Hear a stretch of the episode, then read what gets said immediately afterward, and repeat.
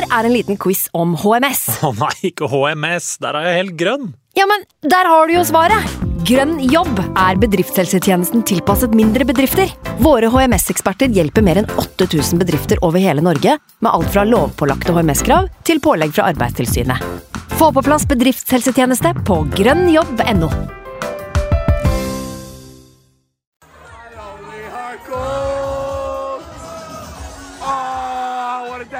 with El Nanny. I wanna build a heat with El Nanny. Yeah, I wanna dance with El Nanny. With somebody who loves me. I wanna dance with El Nanny. It's up for grabs now! The next station is Arsenal. Hjertelig velkommen skal du være til en splitter ny episode av Arsenal Station. For anledningen med en uh, syngende Øllund à la Sivert Skarstein Eriksen. I tillegg til Magnus Johansen og meg, Simen Goffeng. Og som vi akkurat hørte her, eh, Sivert, i denne forferdelige bra introen, selvfølgelig. Uh, helga, den har vært fin, den. Den har vært fin, den. den, har vært fin, den. Uh, og jeg har jo som konsekvent regel Nå spilte vi jo fire for en gangs skyld, da. men jeg har som konsekvent regel Jeg drar aldri på vors uh, hvis det er Arsenal-kamp. Så eh, det var utrolig deilig å kunne begynne å bevege seg sånn i sekstiden. Komme seg på vorspiel, være i godt, uh, muntert lag. Og det gikk jo som det måtte gå, det. Et par uh, vodka tranebær for mye og litt, uh, litt I Wanna Dance With Elneni på Heidis der. I firedraget. Sitter den? Ungt drivstoff, Magnus. Det er det vi har etterlyst, og nå har vi det igjen. ja, det, det sitatet, det, det står seg, Sivert. Nei, Simen. Jeg, eh, jeg og, og en leveregel om dagen, og jeg drar aldri på vors. I det hele tatt, for det har jeg ikke mulighet til lenger. Men eh, det ble, var høy stemning i kjellerstua her, altså. Nei, altså Jeg må jo si at jeg er dum som sto over forrige episode fordi jeg hadde en kraftig uh, halsbetennelse. Uh, og det var uh, helt legit, det. Men med en gang jeg er på bedringens vei eh, Jeg var så dårlig at jeg dro hjem til, til Tjøme. Og da er det jo de lokale barndomskompisene mine som lurer på om vi skal pilse litt når jeg blir frisk, da. Da ble det jo, ble det jo fullt kjør fredag og lørdag der. Så nå er jeg litt på tilbakestigen igjen. Er- Jeg vinner jo aldri. Jeg vinner jo aldri. Men så lenge Arsenal vinner, så går det helt greit der. Eneste som betyr noe.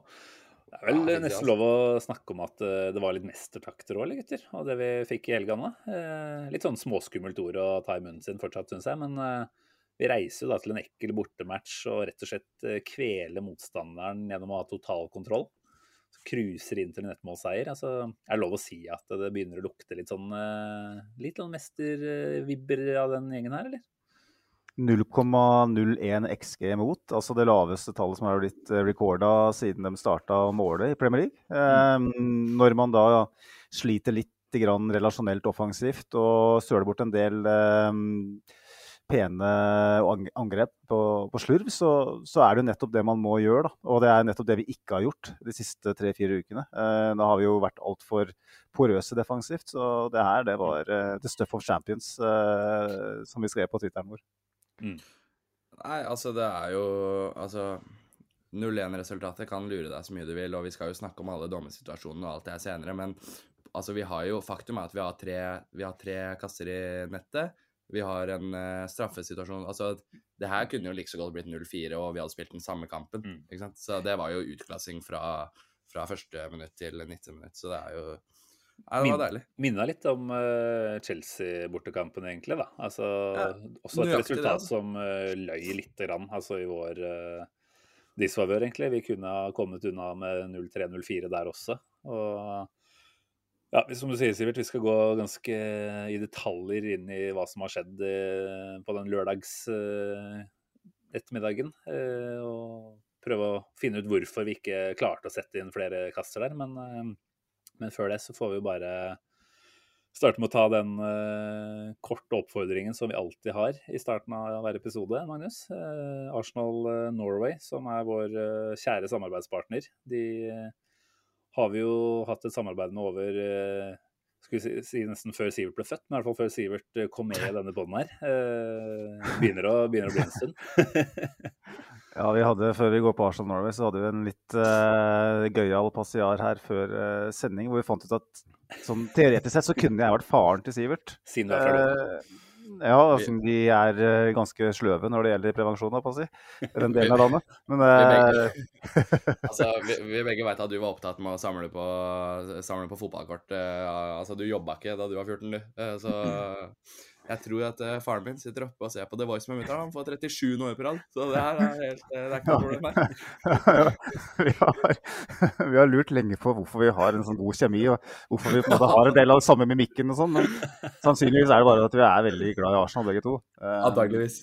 Og det er alle som er glad i supporterklubben òg. Eh, der er det mye ungt drivstoff om dagen, tror jeg. For det medlemstallene de øker i takt med suksessen til Arsenal.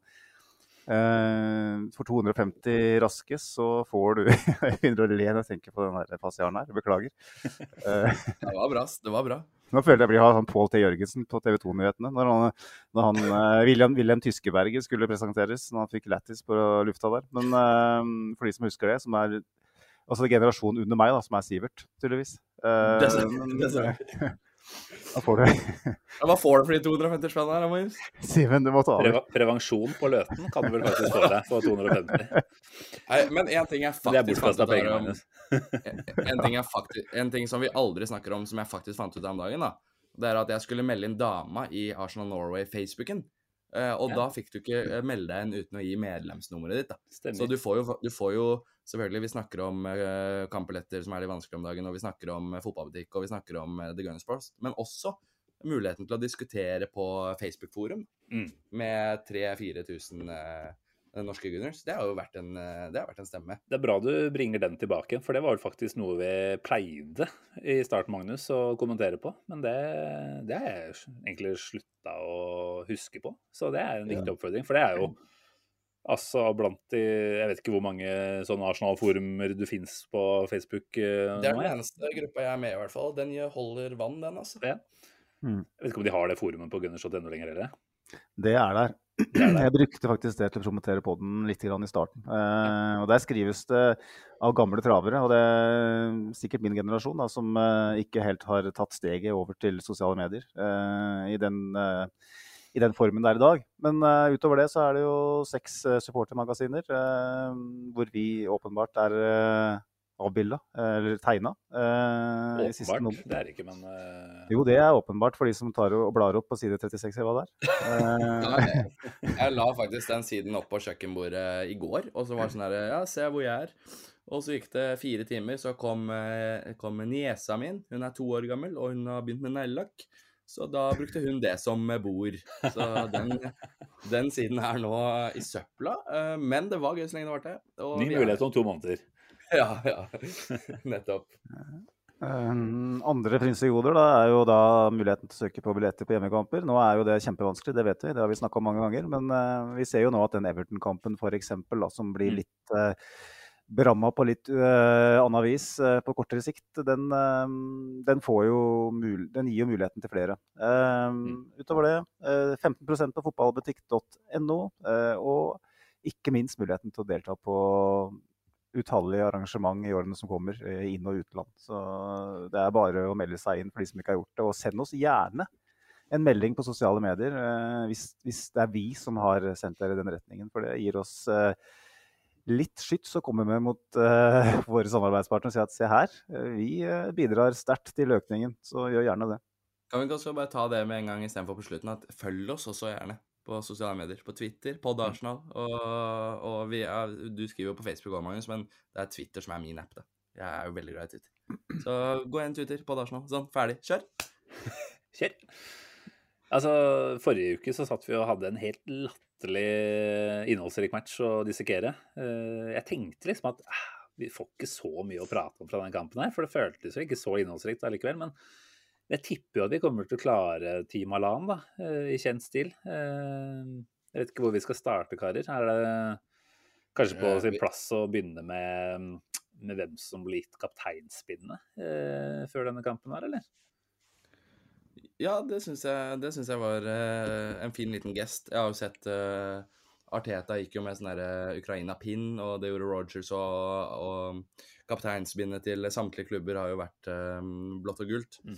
Eh, så å toppe egentlig hele denne ukesmarkeringen opp eh, med, å, med å gi ham bindene, det syns jeg var, eh, var utrolig fint. Og sli, altså, jeg er jo Altså, det er jo mer sånn herre Det er ikke så mye handling. Egentlig så er det jo bare sånn Man kan jo vri på det og være sånn herre Man gjør det liksom bare for å liksom Fordi man skjønner at det er det riktige å gjøre. Men eh, jeg forsto på Arteta at det liksom Det var ikke noe sånn som liksom klubben brukte som en sånn herre eh, sympatitaktikk. Det var jo Arte Nei, det var jo Ødegård som Mm. kom og ba ordentlig om det her, og at det var et sånn ordentlig ønske fra spillergruppa. da.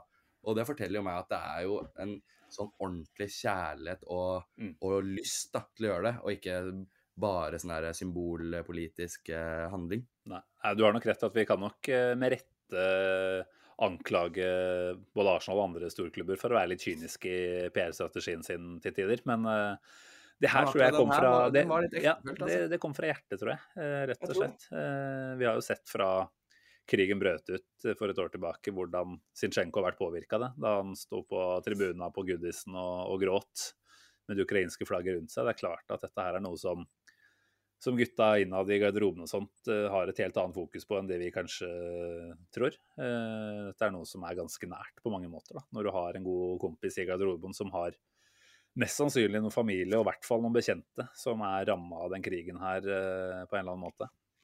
Så nei, veldig fin eh, gest, og veldig beskrivende for den stemninga som er i klubben for tida. Og vi er husker jo, husker jo Sinchenko sine tårer eh, i City-drakt rett etter eh, krigsutbruddet i, for et år siden. Eh, åpenbart en, eh, en person som er eh, det er Ikke at det skal være noe overraskelse, men han viste jo veldig tydelig at det her er noe som går inn på ham. Så det, dette her er ikke noe påtalt påtatt i det hele tatt. Mm. Dette er veldig genuint. eh, så mm, kudos til de involverte. Er veldig fint, altså. Så kan vi bruke anledningen til å si at vi også Altså, det er flott markering og alt det der, men altså, det er et år med en helt jævlig brutal krig eh, som har pågått her nå. Det var noe vi også liksom, hadde fokus på i starten. Eh, husker jeg Magnus snakka litt om det og liksom faen, hva er det som skjer i verden her? Og nå har jo det også dessverre blitt en normalitet, ikke sant? Ettersom det Mm. bare har fått pågå og pågå. Og så sitter vi her fortsatt og kun, kan prate om eh, det vi er aller mest glad i, fotball og Arsenal. Eh, Så en liten påminnelse også om de perspektivene man har eh, i livet. da. Vi er eh, veldig, veldig heldige, selv om det åpenbart går inn på oss eh, på et personlig plan, så, så er vi så utrolig heldige som kan sitte her og gjøre det vi gjør. Og, ja, ehm, det er en liten finger i jorda, det. Ja, det. Absolutt. absolutt. Og så for å dra det over på det sportslige, så leverte jo Zinchenko en uh, utrolig god kamp òg. Så det, det er jo tydelig at han bærte det eh, kapteinspinnet både med stolthet og, og andakt og Ja, var, ja var, jeg så flere på eh, nevnte Arsenal Norway-gruppa jeg promoterte akkurat, sa han var eh, banens beste. Og det Ja, det er altså, du har flere kandidater der, men eh, han gjorde nok en god kamp, jeg Ja, ikke uenig der. Veldig god. En av, av flere BB-kandidater. Men la oss ta lagoppstillinga kjapt her, Magnus, før vi, før vi begynner å bevege oss inn på, på kampdetaljene. Eh, For vår egen del så var det kanskje ikke de store overraskelsene. Altså, vi har jo etterlyst akkurat det vi fikk se nå en periode. En uh, Trossard i den falske nieren, uh, som i litt større grad kan uh, være dynamisk med Martinelli. Uh, nå fikk vi den. Eh, godt fornøyd med det, regner jeg med. Jeg har jo vært en eh, forkjemper for Trossard eh, i de fleste roller, men jeg var jo faktisk eh, ute og meldte på Twitter før matchen at eh, i dag tror jeg kanskje vi får se hva Eddie gir oss. Eh, kanskje det er en liten vekker for de som er Mm. veldig kritiske til Eddie, som jeg syns det har vært en, sånn voksende ubehagelig bølge av de siste ukene. Eh, men jeg fikk jo kanskje ikke helt rett i det, og jeg, men jeg står for det jeg skrev der. Jeg tror fortsatt at eh, med en Trossard i den rollen over tid, så tror jeg vi vil kunne se at Eddie Nketia er et åpenbart andrevalg. Eh, men jeg føler jo at Lester er en motstander, og viser det Mm. veldig den kampen her, som har et presspill som ikke funker i det hele tatt, som inviterer oss inn i egen boks. Eh, det gir jo Trossard veldig gode arbeidsforhold. Eh, han kan jo prestere eh, tross manglende fysikk, fordi han får tid til å, vende opp og får tid til å kreere får tid til å ja, eh, gjøre noe med ballen, da, i stedet for at han blir eh, Han får en spiller bang i ryggen hver eneste gang, sånn som Nketa har gjort de siste ukene. Mm. Eh, så ja. Eh, veldig godt altså- å se at vi har, at vi har enda en spiller da, som kan gå inn i, i Jesus' sin rolle, som det tross alt egentlig er. For da, vi så jo Ja. med all tydelighet Jeg vet ikke, jeg har ikke sett noen sånn heatmap, jeg, men uh, hvor mye Trossard var ute på venstre kanalen der. Eh, det var, var helt åpenbart at han gjør en annen jobb eh, for angrepsspillet som helhet, kontra hva Nketia gjør. Men da er vi tilbake til det å ha alternative løsninger, da. Så tenker tenker at det passa bra mot det Leicester-laget her. Sorry, Sivert, du skulle få snakke. Nei, nei, det var ikke, var ikke så urgent, altså. Men altså, jeg hadde lyst til å si det at jeg syns uh, Trossard på, på mange måter mima Jesus-rollen litt. Mm. Eh, men jeg klarer ikke å si det på en måte som ikke virker litt sånn nedlatende. Men jeg, altså, han, han ga Jeg syns Martinelli, spesielt i andre gangen uh, Altså, når han roterte litt med Trossard og, og fikk linka opp litt, og, og Trossard trakk litt ned, og jeg syns han kom seg mye mer til rette eh, sammen med Trossard. Og, og det tror jeg har mye med å gjøre den derre uh, For vi har snakka mye om at uh, Enketia eliminerer Martinelli litt fra spillet. Uh, og jeg har sett litt på, på de heatmapsa du akkurat nevner, som du ikke har sett på.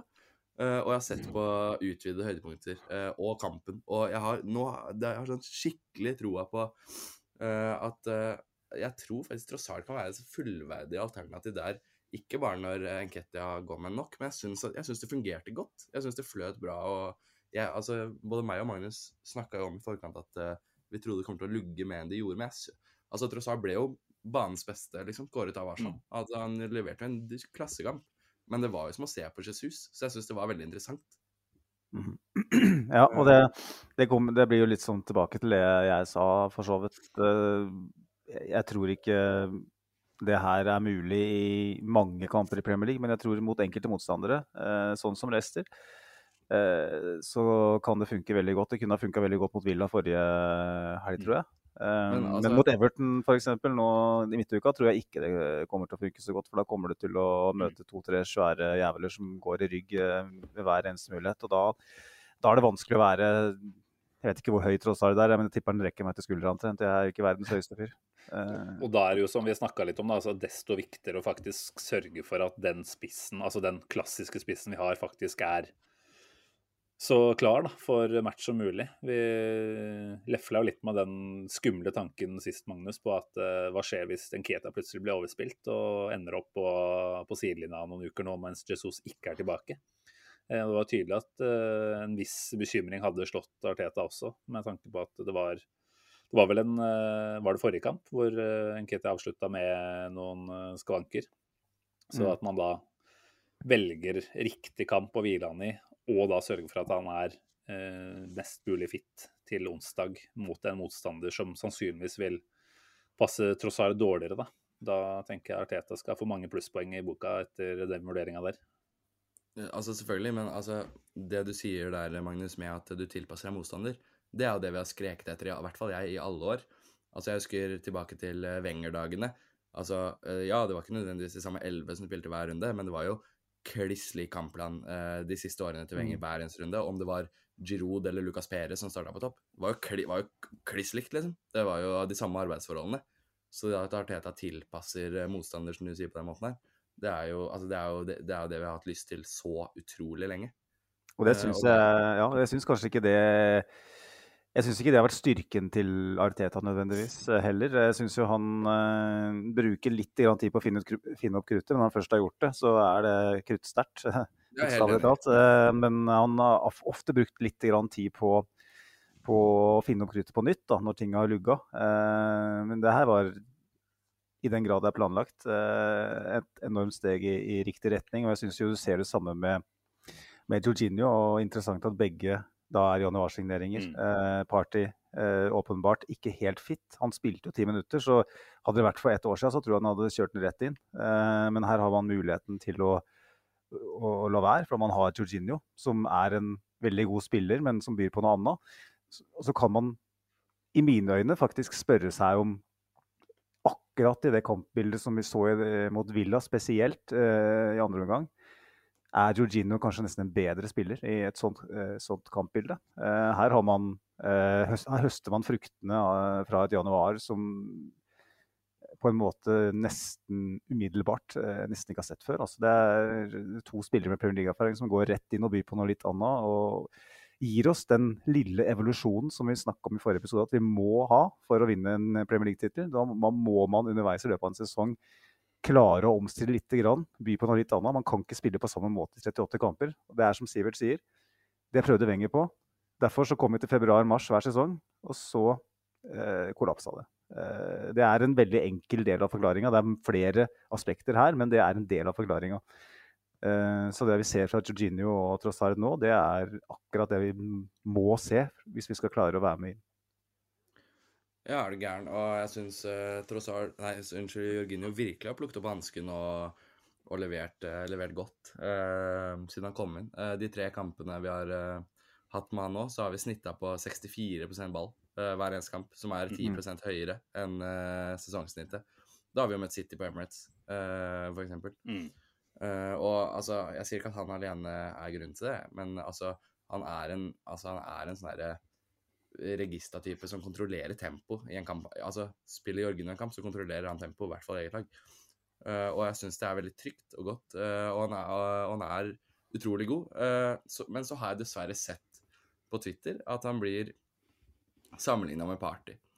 Og flere melder at ja, men Party snitter flere touch per kamp, og Party snitter flere nøkkelpasninger, og, og, pass, og han treffer på flere prosentvise pasninger, både på egenhandel og motstandshandel. og Altså, jeg, jeg, har bare lyst til å si at du, Kan vi ikke bare nyte å ha to gode alternativer? Og altså, Jorginho er mye mer avansert i uh, hvert fall uh, offensiv pasning uh, Altså i det offensive spillet.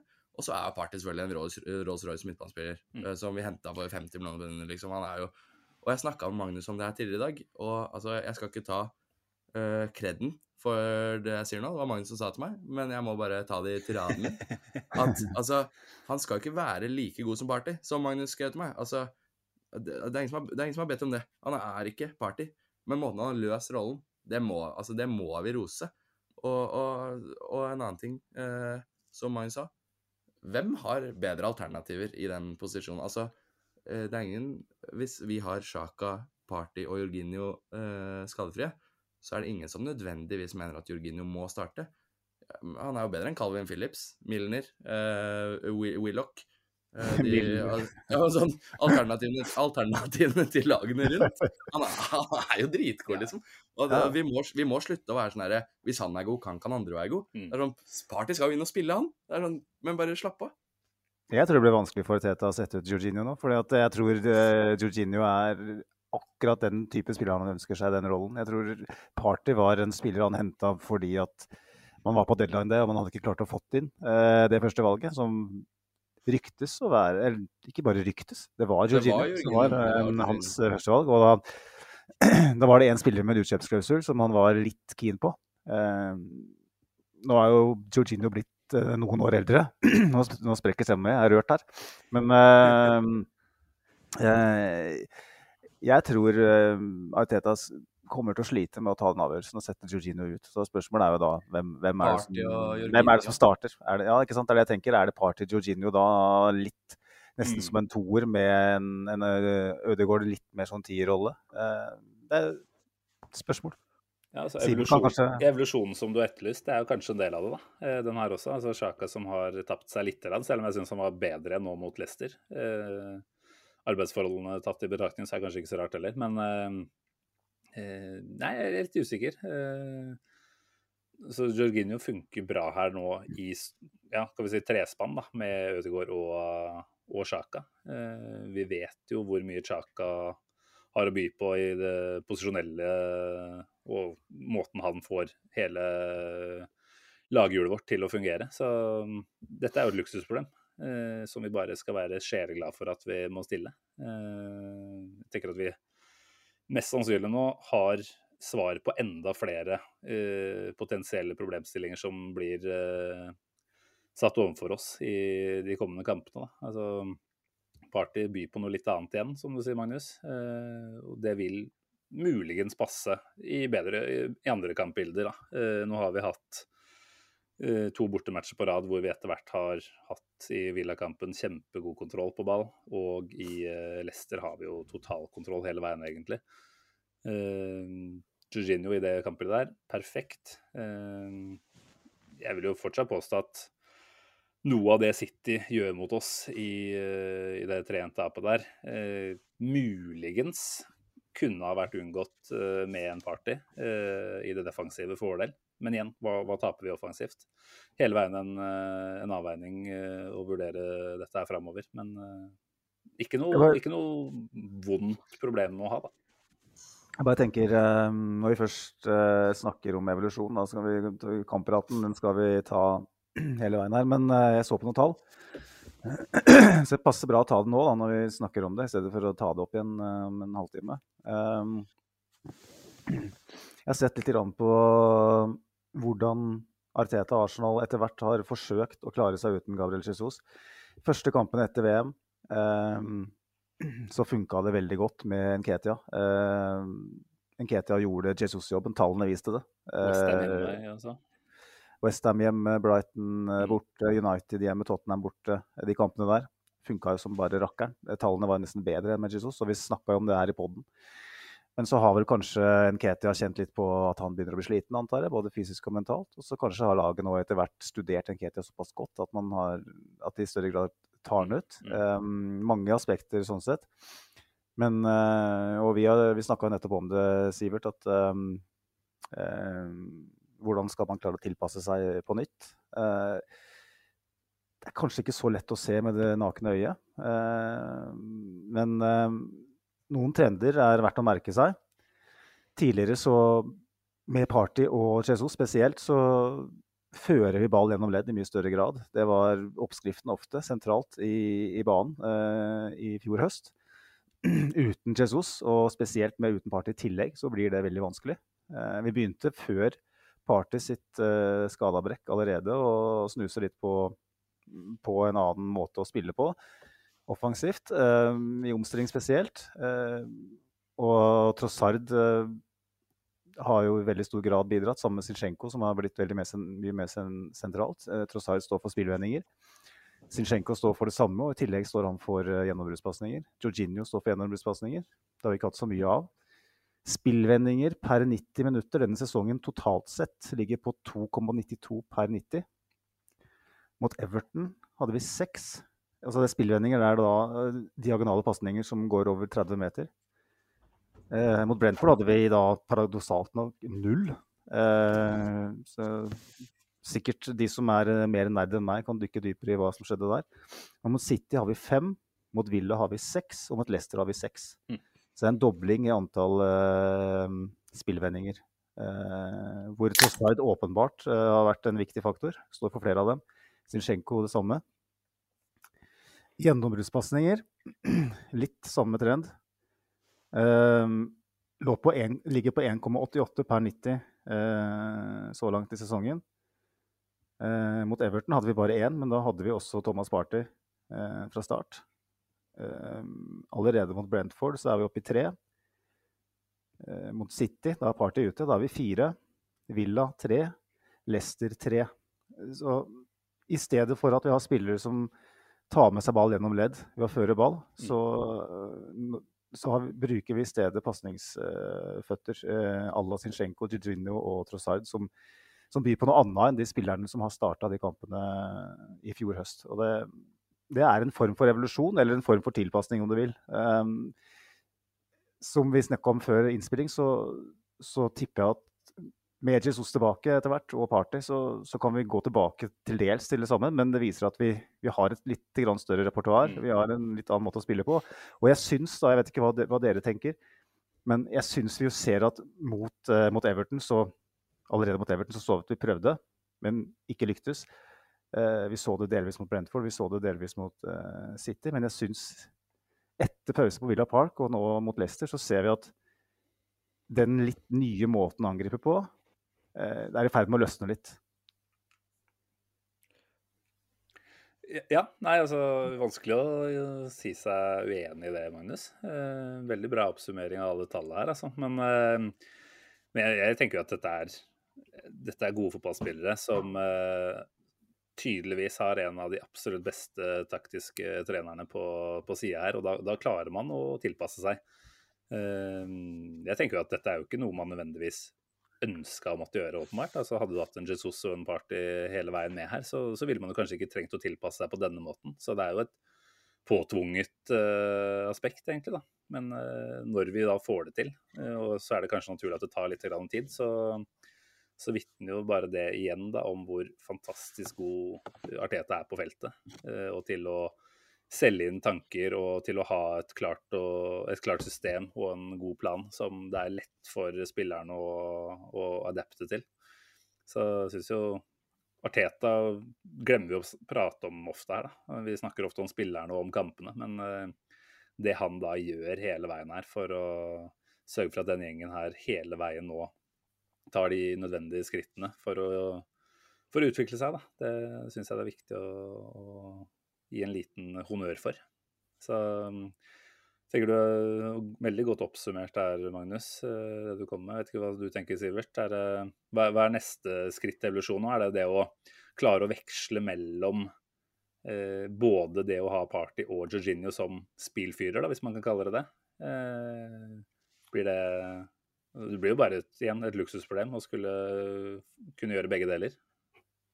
Nei, altså, du, altså for å vinne Premier League og um, Europaligaen, som jeg regner med står på målsettingstavla på Colony, så må du ha 16-17 spillere som er alle komfortable med å gå inn i uh, ulike roller og, og, og, bidra. Du kan ikke bare ha 11 stykker. Så det, altså, det her er jo et helt herlig problem. Uh, og et litt sånn taktisk problem som jeg egentlig bare Jeg kom på det nå når du prata om Arteta og tilpasningsdyktighet og på feltet og sånn noe jeg faktisk uh, Det er mer, mer, spørsmål, egentlig. Jeg har ikke noe svar på det. Men uh, ser vi ikke mye mindre nå enn før f.eks. at uh, kantene våre veksler og, og litt, altså sånn, Jeg syns ofte de blir litt sånn isolerte ja, altså, sånn, det var bare spørsmål jeg fikk sånn opp i hodet mitt nå. For jeg husker spesielt under Emery og tidligere Teta, så var det sånn Martinelli og Saka kunne jo plutselig switche, og begge kunne gå på samme kant, skape doblinger på kanten og sånn. Nå, akkurat der syns jeg eh, kanskje at det stagnerer litt. Eh, Magnus, du er jo den taktiske guruen hans. Men, men skjønner, du, skjønner, du, hvor jeg vil hen med det, eller? Ja, jeg vet absolutt hvor du vil hen. Og jeg syns det er et, et, problem som kanskje er mer tydelig nå etter VM. Eh, eller kanskje Altså, vi spilte så bra eh, rett før VM at man tenkte kanskje ikke over det. Eh, men jeg syns, vi, jeg syns jo vi ser at uh, Martinelli i alle fall har blitt altfor isolert ute på venstre. Mm. Uh, vi så jo f.eks. mot Aston Villa uh, i første omgang, veldig tidlig i den matchen, så går Martinelli på et løp inn i høyrekanalen. Uh, og Ødegaard slår en fin underbudspasning, og så blir det litt dårlig timing, og så blir det knade. Men de løpene så du mye mer før. Jeg husker jo Martinelli skårte vel var det, Jeg husker ikke hvem det var mot. Det var en hjemmekamp tidlig i sesongen hvor han eh, hvor et innlegg fra høyre hvor han da eh, header inn fra da eh, høyre delen av eh, femmeteren. De løpene der har ja, det kan, ja, Forest var det. Forest, Forest ja. Altså, de, de, løpene har vært helt borte. Mm. Eh, spesielt for Martinello. Og Saka òg har jo blitt veldig mm, Altså enda mer ute til høyre enn vi har sett tidligere. Men samtidig så syns jeg på en måte ikke Saka har lidd veldig av det. Jeg syns jo Saka Nei, har vært like god. Altså, eh, når jeg var midt i, midt i avhandlingen min nå, så var jeg sånn herre men herregud, Sivert, du kan jo ikke ta Saka på det. Han, renner, han har jo, renner jo inn målpoeng. liksom. Han har jo flere målpoeng enn Rashford, liksom.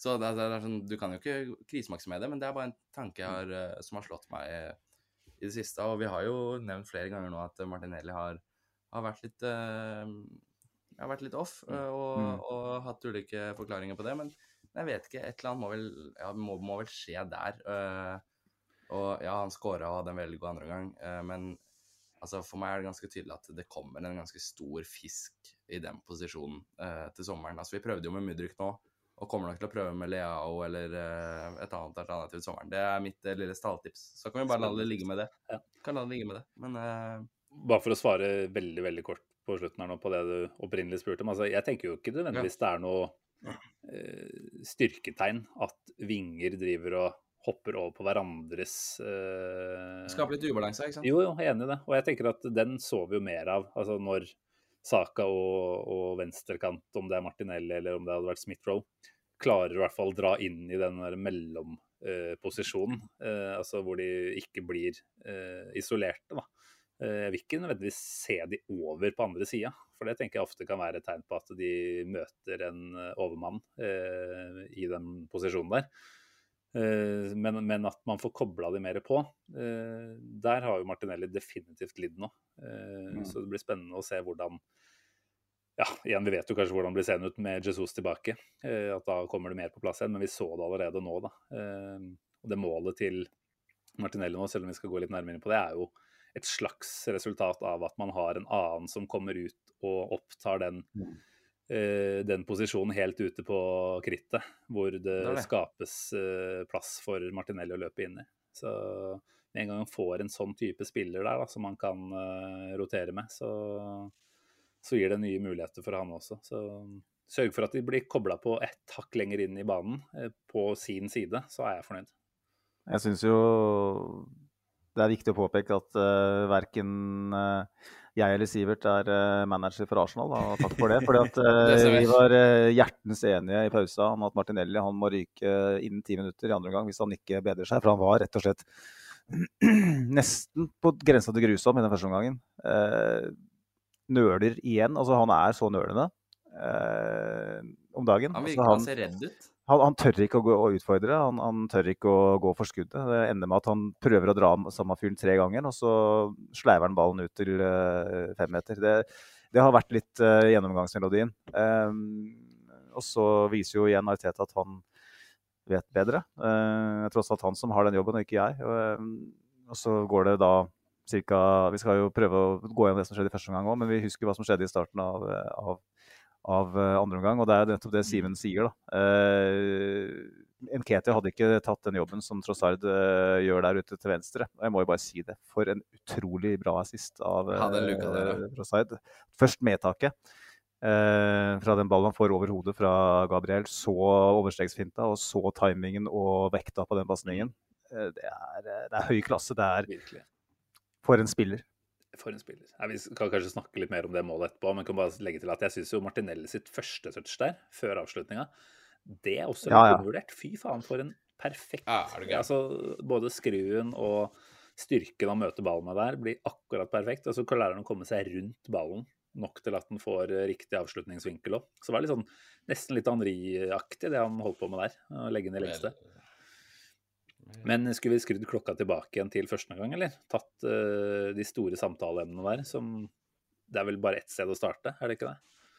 Uh, det er uh, det som skjer etter hvor lang, du, jeg husker jeg ikke når i kampen det var. jeg. Var det et kvarter, eller? Eller var det litt Er det Benny, Blan er det Benny Blanco du skal på nå? Ja, tross alt som mæler i krysset, da. Men som Var det ikke litt senere, da? Uh, Ja, jeg husker ikke når det var. Men det er det eneste jeg husker fra første gang, nesten.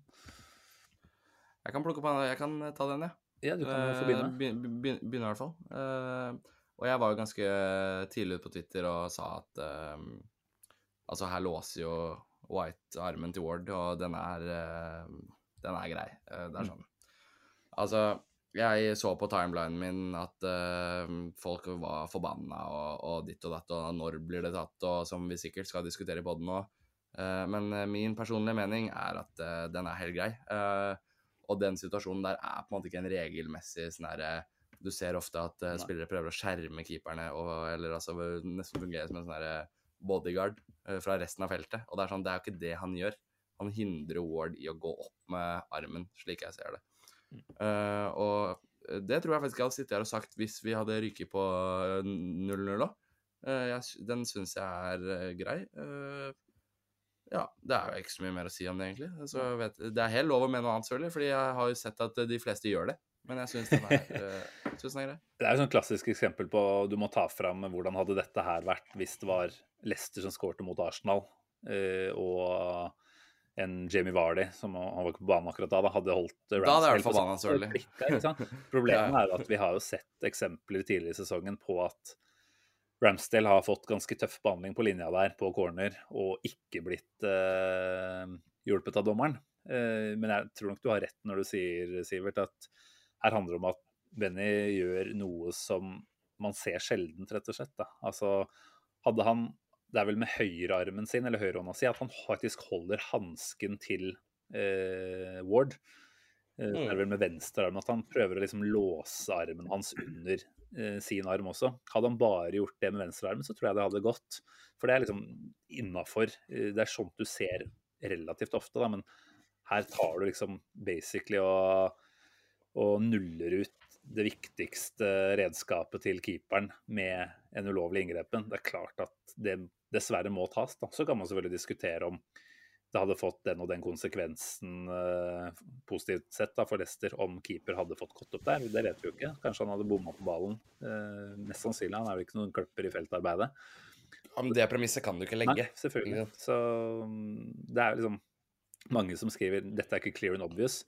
For meg så var det en veldig obvious eh, ting å gjøre som ikke ble sett, da. Eh, så jeg, tenker at den er, den er grei. Um, jeg, jeg, jeg, tror jo det sitter noen uh, lyttere som uh, er sterkt uenig i det her. Uh, sikkert VAR-kritikere i første rekke, men også folk som Det er jo vi òg, bare sånn at det er sagt. Det er vi ikke. Nei, ikke jeg, men uh, Men bruk, bruken av det, sånn som det ja, har vært utført? Jo, selvfølgelig. Men altså Det har vært helt hårreisende. Altså, vi, kan, vi kan ikke drive og gneldre hver gang vi ser hva blir brukt. Altså, ja, her er ikke det imot oss, men den, den jeg, altså, jeg, altså det, jeg ser error, altså den uh, erroren til uh, White, og jeg syns den er clear, mm. og jeg syns den er obvious. Da er spørsmålet mitt, da. Uh, jeg syns den er riktig. Jeg syns den er riktig. Men jeg har sett så utrolig mange situasjoner som ligner. Jeg vet Simen hadde en veldig god uh, oppsummering av det. Det faktum at det er litt annerledes, kanskje. Men jeg syns jo den, jo den uh, på Ramsdale mot Aston Villa uh, og Leno mot Brentford er grovere. For at de, de setter dem ut av spill holder dem igjen så de ikke får gjort noe. Men det Benny White, Benny, Benny White gjør, er jo at han, han, han, holder hånda hans, ja, men han, han, hindrer ikke keeperen fra å, å, gripe inn. Han får jo slått den ballen ut. og Så kan du argumentere med at ja, eh, han hadde kanskje klart å få to hender på den, eller whatever, da, men jeg syns ikke, ikke, at den her skal annulleres hvis de to andre eksemplene jeg refererer til, skal stå. Eh, og, der, og, der, ligger frustrasjonen. Mm. Jeg syns alle, alle, de tre målene skal annulleres. Jeg. Ja, eh. Ja, og da, og da, derfor føler vi oss urettferdig behandla. Mm. Fordi at vi har sett det her. Jeg har jeg har øh, nesten blitt innlagt med traumer, for jeg har sett Fabianski mot Stoke på bortebane. Lang innkast fra Rory the Rapp, de, og det var før var sin tid, selvfølgelig. Hvor, hvor det var tre, tre meter høye Stoke-spillere, jævla brytere, som stod og holdt igjen Fabianski på innkast, så han ikke fikk gjort noe. Vi er, vi er litt merka av det, vi Arsenal-supportere, tror jeg. Vi har, vi, våre keepere har til stadighet blitt holdt fordi at det har vært et enkelt åp for motstander. Og når vi for én jævla gangs skyld gjør det, så blir vi avblåst. Ja. altså, jeg, li, jeg, liker Ben White. Altså, han er vår mest sånn shit-out-spiller. Han, han, har jo det i seg. og det jeg syns du skal fortsette, fortsette, med de der taktene der. fordi altså, som du sier, 90% av gangene går det, men når, altså, når, du blir tatt på det, så må du nesten bare holde hendene opp og si at det, det er frispark. Mm. Ja, Nei, men det er en, god, det er en, riktig avgjørelse, det er vi enige om. Så, får vi heller, uh, så kan vi heller la framtida vise om det her er noe som blir uh, konsekvent eller ikke. Men vi, vi, kan jo definitivt sikkert ta for oss VAR, eller bruken av VAR også i denne kampen. Altså ikke den uh, nevnte situasjonen her, men den som skjer ikke så lenge etter, når Saka blir Hva blir han egentlig? Revet over ende? Snubla over ende? Et eller annet i hvert fall som gjør at han havner på gresset. Eh, dommer eh, ja, hva skal jeg si, altså Han gir jo et slags inntrykk av å ha sett situasjonen. Eh, der velger bare å ikke gripe inn. Da igjen altså jeg, jeg, prøvde liksom å være fair med dommeren på den første her, til at OK, det er greit, vi tar den. Men, men når han ikke da syns at den andre der er verdt å få en oppdatering på, så da blir liksom den inkonsekvensen plutselig stor, og du, du ser liksom hele veien at det er den der anti-Arsenal-greiene som kommer opp, da. Eh, er vi, er vi tilbake igjen på, på hate korrupte dommere da, eller? Det har vi vel aldri vært ferdig med, håper jeg å. Men uh, nei, altså Jeg syns, den er uh, en ganske grov feil fra, mm. fra dommer. Fordi at eh, ballen er på vei mot saka. Eh, vi vet jo Vi kan ikke si med sikkerhet at den er tima helt riktig, at han ville klart å gjøre noe med ballen, men ballen er på vei mot saka. og høy, eh, høy og stor fyr i Sotar som eh, er klønete og snubler og drar med seg saka. Eh, det spiller ingen rolle om det er med overlegg eller om det er en, et uhell. Det han tar saka i boksen. Ingen forsøk på å spille ball. Straffe. Klikk straffe. Eh, helt utrolig at han ikke tar den. og jeg syns det var et godt poeng. Jeg tror det var eh, James McNicholas på Twitter som, som skrev. Han er jo en eh, stor motstander av VAR, det skal Så sies. Men han, altså. ja, Mm. han, han, han skrev vel at eh, dette er, et eksempel på at en dommer for bare noen minutter siden har blitt fratatt sin autoritet ved at VAR har gått inn og annullert et mål eh, som han ikke, på en forseelse som han ikke så. Så går det noen minutter, og så er det en straffesituasjon. Og så føler han kanskje at OK, eh, jeg lar kollegene mine ta det. Mm. Eh, for blåser han straffe der, så går aldri verden VAR inn og, og endrer det. Spørsmålet mitt er hvorfor i alle dager går de ikke inn og endrer det når Jeg vet ikke om jeg har fått noen forklaring på den der. Eh, Det hender jo at de kommer ut med noe. Det er vel kanskje han eh, Dale Johnson som gjerne har en sånn mandagsspalte, eh, hvor dette her blir eh, tatt litt mer tak i. Men jeg så han Dermot Gallagher, som jo jeg ofte sliter med å være enig i. Han var jo klink på at det skulle vært straffe. mm. Så da var det jo åpenbart clear and obvious, da. Sivert, du var litt grann mer usikker, var du ikke det? Eh, Jo, Hva tenker du? jeg, nei, jeg syns eh, Når jeg så kampen, så var jeg sånn herre Ja, jeg syns jeg kan falle litt lett der, og jeg tenker at eh, den eh, også er grei. Jeg vet ikke helt hvor jeg har fått det her fra, for jeg pleier jo egentlig å hate sånne avgjørelser. Men jeg syns den var grei. Men nå når dere prata, grunnen til at jeg har holdt såpass kjeft og meldt meg såpass ut, er at jeg gikk inn på Twitter og så på den igjen. Uh, og det er jo ingen tvil om at det her er eh, straffespark. Det er, jeg klarer ikke Altså, skulle jeg sagt noe annet nå, så hadde det bare vært påtatt. For det er jo, det er jo straffe. Eh, og jeg ser jo at alle melder det. Uh, Shearer og ja, flere gutter som ikke har noen tilknytning til til Arsenal, Mm. skjønner jo ingenting av det her. Og ja, hva mer kan du si? Det er uh, Altså, uh, ja. Det, det er klart straffe, så jeg har ikke noe Jeg har dessverre er ikke noe ja, jeg har dessverre ikke noe tabloid å gi deg, Magnus. eh, den er Det får duge, det får duge det her. Men eh, foruten det her i første gang, så var det vel ikke så mye som skjedde? Eh, vi har vel ikke noen avslutninger på mål, faktisk? Har vi det? bare, bare si det. Honnør til eh, Trossard for tidenes prikkskyting. For en avslutning ja, for av. Leandro Det er bra Trossard. Og så trist at ikke den ble stående, for det er en, en YouTube-klassiker. Eh, så bare, bare for å gi han den propsen han burde stått. Mm. Det var ikke hans feil at den ble annullert. eh, så han, han skåra et, i mine øyne, et, en good goal i går, og han Ja, hadde en assist som var like bra. Så fantastisk For en eh, signering. Altså, han har vært delaktig i nesten alt som har skjedd, han. Av eh, skåringer og opphentinger og sånt eh, siden han kom nå. Skårer mot Brentford. Eh, hva mer har han gjort? Han hadde vel en assist til, han ikke det? Han var i hvert fall tungt involvert i den skåringen mot United på overtid der, hvor Ja, det var tredje siste, kanskje. Men, Ja. ja, så Stemmer. kom inn og endra matchspillet der. Tenk å Altså, jeg, jeg kommer aldri til å forstå hvordan vi fikk hente Trossard så enkelt som vi gjorde. Altså, det var litt rykte på at uh, Tottenham hadde drevet og lowballa både 10 og 11 og 12 millioner pund der og vært litt sånn ja og sånn. Altså, at vi bare kunne gå og snatche han uh, når vi så at Mudrik ikke gikk over linja, Mm. det skjønner jeg ingenting. Det, det skjønner jeg ingenting av. Altså, det er en mann som uh, kan å skåre mål i Premier League, og har vist det i flere sesonger. Uh, utrolig god signering. Å hente han og Jorginho for 35 millioner pund, det er bare å klappe og Ja, det er business, ass. Veldig bra. Det er rett og slett, det er rett og slett business. Uh, altså, begge hjelper oss uke ut og uke inn og i, i viktige kamper òg. Mm. Overtid mot Villa, og for å male på og få en scoring borte mot Leicester. Sånn. Det er Mm.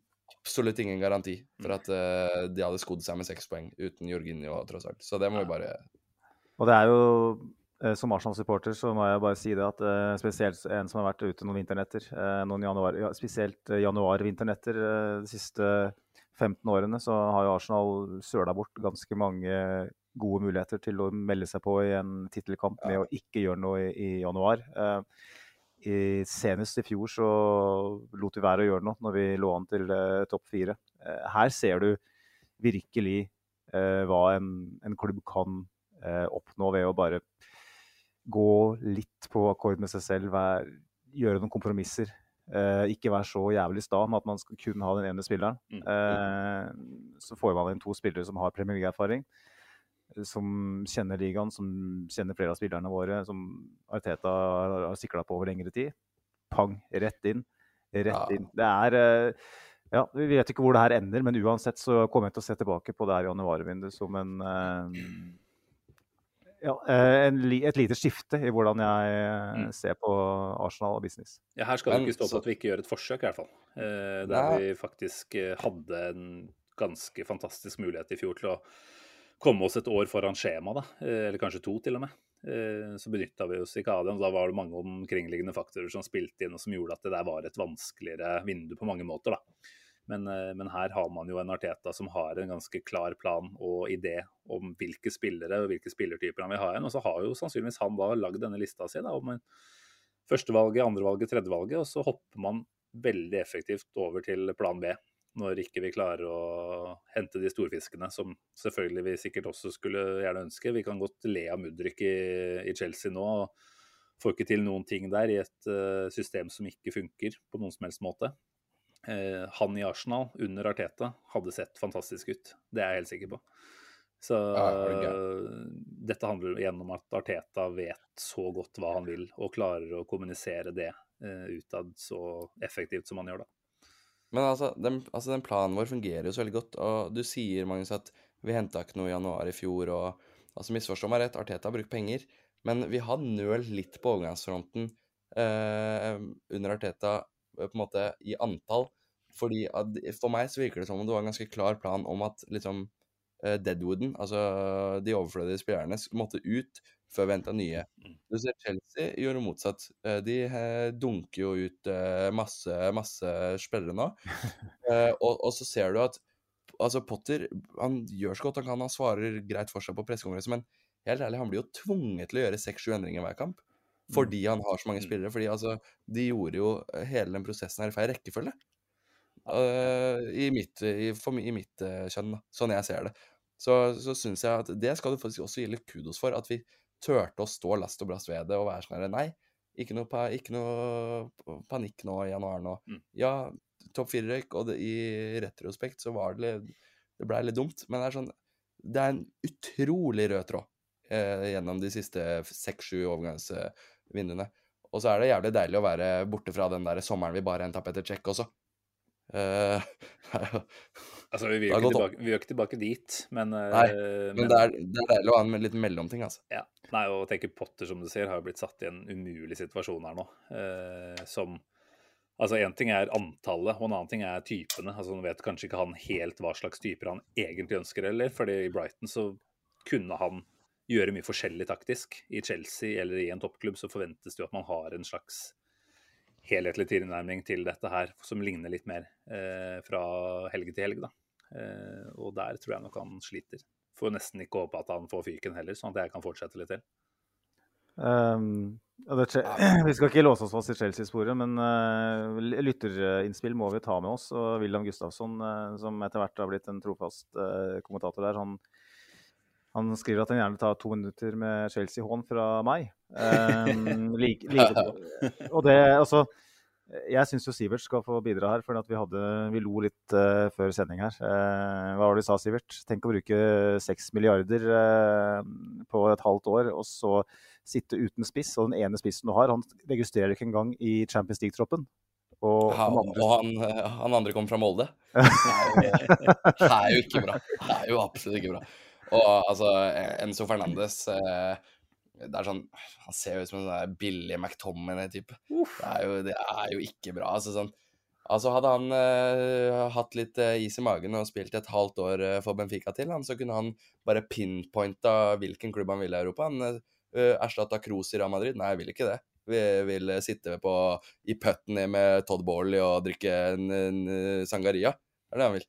Fy faen, for en idiot. Eh, Kjære, kjære Top Gun Todd. Hvordan kunne dette skje?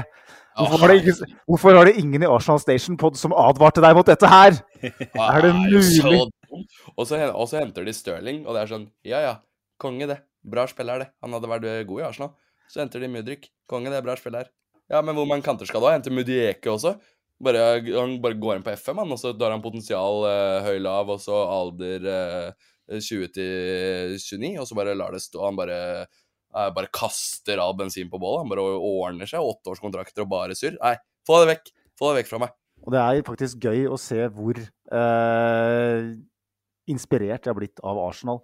Ikke bare prøver de å bygge et nytt og ungt lag, men de henter Aubameyang bare for å kunne kaste den ut. Sånn som de gjorde.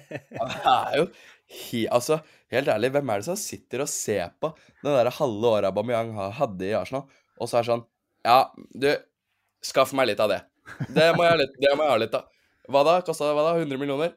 Ja, men få det, få fly han hit. Få han hit. Han skal det, og så er det sånn OK, eh, den som ga deg anbefalingen, var Thomas Tuschel, og så går det to uker Nei, spark han fyren der. Ja. Å, herregud. Tuschel, Tuschel vinner Champions League, han. Har en uh, ordentlig god plan og, og gjør uh, kanskje Kanté, Kanté, Jorginho Kovacic til den beste midtbanekonstellasjonen i Europa. Og så lugger de i to måneder. Nei, nei. Få det ut, da. Nei, men det har jeg ikke tid til ennå. Få på noe, få på noe Graham Potter. Som eh, Altså, han derre Når Potter gjorde det bra i Østersund, det var jo fordi de brukte dritmye spenn. Altså, han derre klubbeieren der, han er i fengsel nå, han. Han er i fengsel nå. Er det sant? Ja, det er sant. Altså, det er jo er Potter, Skal du erstatte Tussel med Potter, da? Nei, jeg vil ikke, jeg vil ikke, på, jeg vil ikke til Middelhavet, jeg. jeg vil på Hortenmoss. Men du må, ikke- du må ikke kle, du må ikke kle av eh, Potter helt. altså fyren, Jeg syns faktisk litt synd på han. og Men igjen, kunne du ikke lytta til Arsenal Station på uh, Graham Potter? Vi sa det. Ikke ta den jobben. Vent. Vær, ha litt is i magen. Han Eh, burde jo skjønt norsk òg, altså med tanke på tida si i Sverige. Han har vel norsk dame òg, eller svensk. Så Ja. dette kunne han faktisk tune inn og fått en eh, redning på. Han var vel ute og sa etter tapet mot Tottenham nå i dag at hva var det Han snakka om at han skulle begynne å se den der All or Nothing-dokumentaren. Det var et eller annet, Han dro den i hvert fall opp, og åpenbart med henvisning til at eh, Arteta fikk god tid uh, i en tøff periode. Men altså, dette er ikke sammenlignbart. Dette er, som du har sagt, Sivert, det er 6 milliarder ut på Det er helt sykt. 10-15 spillere som alle i utgangspunktet er gode spillere. Mens eh, Arteta kom til et uh, rottereir på mange måter, som ikke funka på noen som helst måte. Eh, Simen, altså, helt ærlig, de har to, de har to venstrebacker som begge kosta 50 millioner pund hver. Chilwell og, og han derre uh, Sideshow Bob. Og altså, begge er jo Begge er jo shit. De vil jo ikke ha noen av de. Så de må jo bruke i hvert fall 500 til på venstreback, og så må de ha en milliard til på spiss, og så kanskje begynne å ligne på noe. Gjør nok ikke det. Altså han, det, er, så det er et sånn ukritisk eh, framferd som eh, rett og slett er rørende fra Todd Bowley. Det er rørende å se på. Og det er Se for deg han i Granca som 20-åring. Da. da banker Tore Strømme på døra hos familien Eriksen og sier 'Her er faren din. Her er den ekte faren din'. Ja! Nei, det er jo ikke bra. Altså, Han der ene midtstopperen-jenta syns jeg ser helt OK ut, men han er jo på åtte og en halv års kontrakt, da. Altså, altså, Åtte og en Når kontrakten hans er ute, er Saliba 30. Fy faen! det noe rør! Sånn, nå har William fått det han ville ha. Det er bra levert, karer. Meget. Har du flere lytterinnspill òg, Magnus? Vi har, vi har ikke vært så flinke der fram til nå. Eh, er det noe mer? Det er mange, men jeg har, ikke, jeg, har ikke, jeg, har ikke, jeg har ikke satt det i kontekst her, så vi kan jo kanskje gjøre oss ferdig helt med kampen før Ja. vi tar en liten runde etterpå. Ja, vi, vi kommer nesten ikke i land med førsteomgangen engang. Eh, Det var ikke så mye mer å si, men eneste jeg syns er verdt å nevne der, er jo returløpinga vår. Særlig i en situasjon hvor vi blir brutt på midten, og så er det vel Janacho som setter fælt. Eh, Vi er vel tre på riktig side, men spol åtte sekunder fram, eller kanskje bare tre-fire, så er hele gjengen innafor. Han Kieran Dewsbury Hall, så jeg var ute og sa det etter kampen, at, eh, at det blir vanskelig å spille mot et lag som, eh, som jobber så hardt for hverandre. Da. Eh, Det var som om de på en måte kom en hva er det han kalte det? Eh, Sea of Red. Eh, det var rett, vi bare spiste opp de kontringsforsøkene til, eh, til Leicester. Eh, vi var ikke fantastiske i defensiv omstilling mot Villa, så det er helt tydelig at det var en, en greie som Arteta hadde hatt fokus på. Martinelli sa det vel så vidt etter kampen nå at Arteta hadde nesten gått ut og krevd et clean sheet i den kampen her. Og Mm. når vi kanskje stiller litt spørsmål ved ja, presisjon og hvor potent vi var offensivt, så, så kan det hende at jeg lå litt i bakhodet. At det var, om ikke safety first, i hvert fall et ekstra fokus på det defensive i dag, da. Eller på lørdag. Eh, noe som underbygges av de XG-tallene som du var inne på helt i starten, Magnus. Ja, det, altså Det var jo pinlig åpenbart eh, mot Villa at eh, her har vi feila kapitalt i defensiv eh, omstilling. eh, til forandring fra det vi har sett tidligere. Og jeg syns jo stopperne våre fortjener eh, masse Mm. cred òg, for de få gangene Janacho, Barnes og co. var i nærheten av å klare å ta med seg ball eh, fra midtbanen, rundt midtbaneleddet, så var jo enten eh, Saliba eller Gabriel her hver eneste gang. For, Eh, for en duo det har blitt, altså. Kan vi bare prate litt om Gabriel Mangalesh, eller? Ja. Ja, Helt ærlig, det er utrolig undersnakka, syns jeg. Eh, Jeg syns han leverte suveren kamp. Eh, Og ja, Saliba er veldig hypa fordi han er ny og litt yngre og sånn, men Gabriel eh, Magalesh Åh! Altså, det er, eh, altså, det er et stoppepar som vi kommer til å nyte godt av Mm. eh, i flere år fram i tid, altså. Han, altså, jeg hadde mine doubts, og han har noen feil i seg. Men det, det har vi prata om før. Det har alle unge midtstoppere. Eh, i, altså skal du prate om de beste stopperne i Premier League Ja, du nevner kanskje ikke Gabriel som nummer én og to. Kanskje ikke tre heller. Men han er helt der oppe. Helt der oppe. Helt der oppe. Ja. 22 millioner, 22 millioner pund Ah. betalte vi for han. Det er, eh, altså det er, det er, det er en tredjedel som er Guire. det er så deilig sammenligning. Off. Nei, altså, det vi har holdt på med på bortebane denne sesongen her, eh, det er jo stort sett bunnsolid. Vi har vel 13 bortematcher nå, vunnet 10. Eh, clean sheets kommer på rekke og rad i de kampene på bortebane. Uh, og det er ikke så mange av de kampene der vi liksom sitter og tenker at Ramsdale hadde en kjempetravel dag på jobben. Uh, og selvfølgelig så handler dette her om hvordan lag som helhet forsvarer seg, men vi kan ikke komme unna at den duoen med Saliba og Gabriel, de sørger for at vi holder unna i så stor grad. Da. Eh, Så til og med det var snakk om, det var vel Gunnerblog igjen som eh, rapporterte så vidt om at eh, etter den kampen her, så, så ble det registrert at de hadde en litt sånn oppheta prat rett i etterkant av, av kampslutt.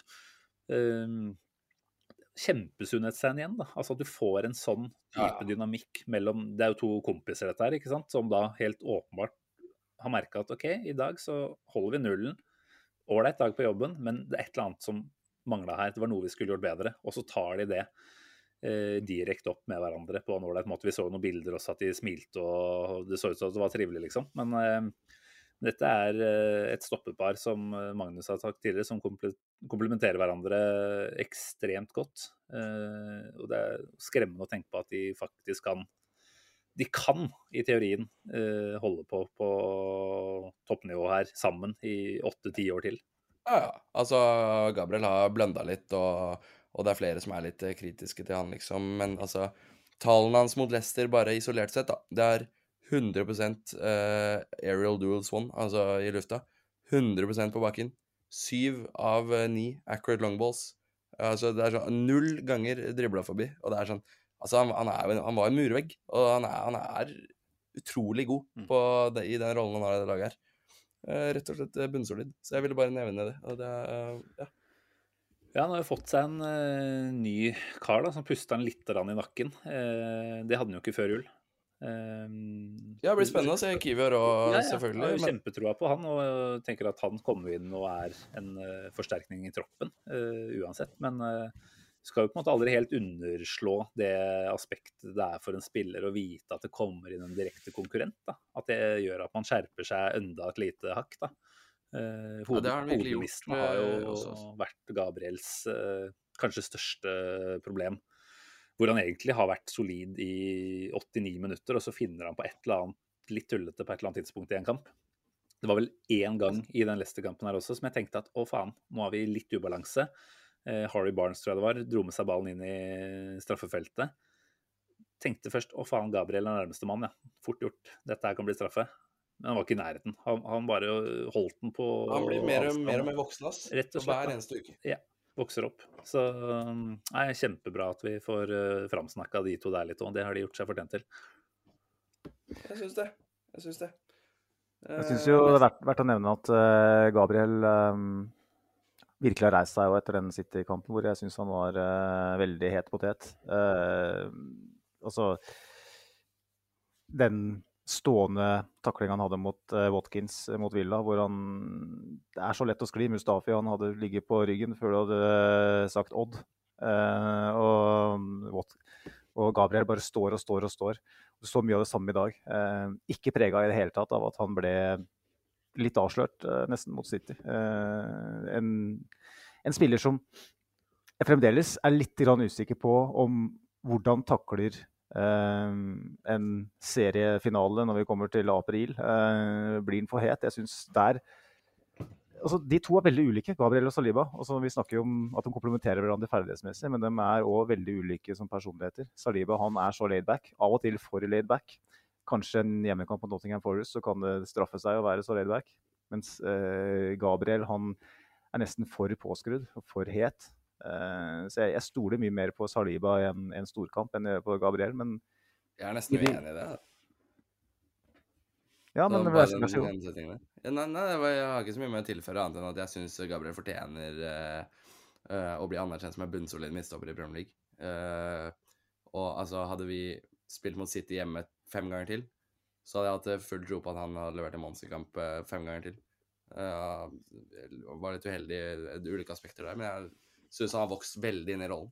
Ja, Synes ja. han har tatt masse steg, og um, han trenger bare bevise nå Og det gjør for så vidt Saliba, som er 21 år. Uh, de har fortsatt ganske mye å bevise. For at, vi, nå er det 14 kamper igjen. Uh, vi skal til Anfield, vi skal til Etihad, vi skal til um, Ja, ja, vi har St. James Park. noen ting ennå. Er du gæren? Så um, da får vi noe svar, men jeg, jeg syns jo synes jo vi, vi mangler å se at Gabriel uh, holder roen Mm. når det virkelig står mye på spill. Men, men se for deg Gabriel, altså ikke se for deg det for så vidt, men se det for deg likevel, ved siden av en Tiago Silva. da. En rutinert ringrev som tar det modenhetsansvaret, da. Som egentlig nå har blitt eh, nesten krevd at eh, havner på Gabriels skuldre. Jeg tror nok han Mm, hadde sett bedre ut eh, da Altså både fordi Thiago Silva er en kjempestopp, selvfølgelig, men eh, for, ikke minst fordi han hadde fått en litt annen type rolle i den eh, forsvarsorganiseringen og, og måten å ja, skal vi si, ta, ta et ansvar på. Da. Eh, her har han på en måte blitt main man, egentlig. Altså, Zinchenko er jo for så vidt en mer rutinert spiller, men en Ben White som har to sesonger på toppnivå, eh, en Saliba som kommer fra Frankrike det er klart at en Gabriel her blir jo på mange måter den som skal inn og være en slags eh, første leder da, eh, i Forsvaret. Og jeg tror ikke du skal underslå heller at det kan, det kan bli et, uh, et press på den som går litt til hodet på den iblant. da.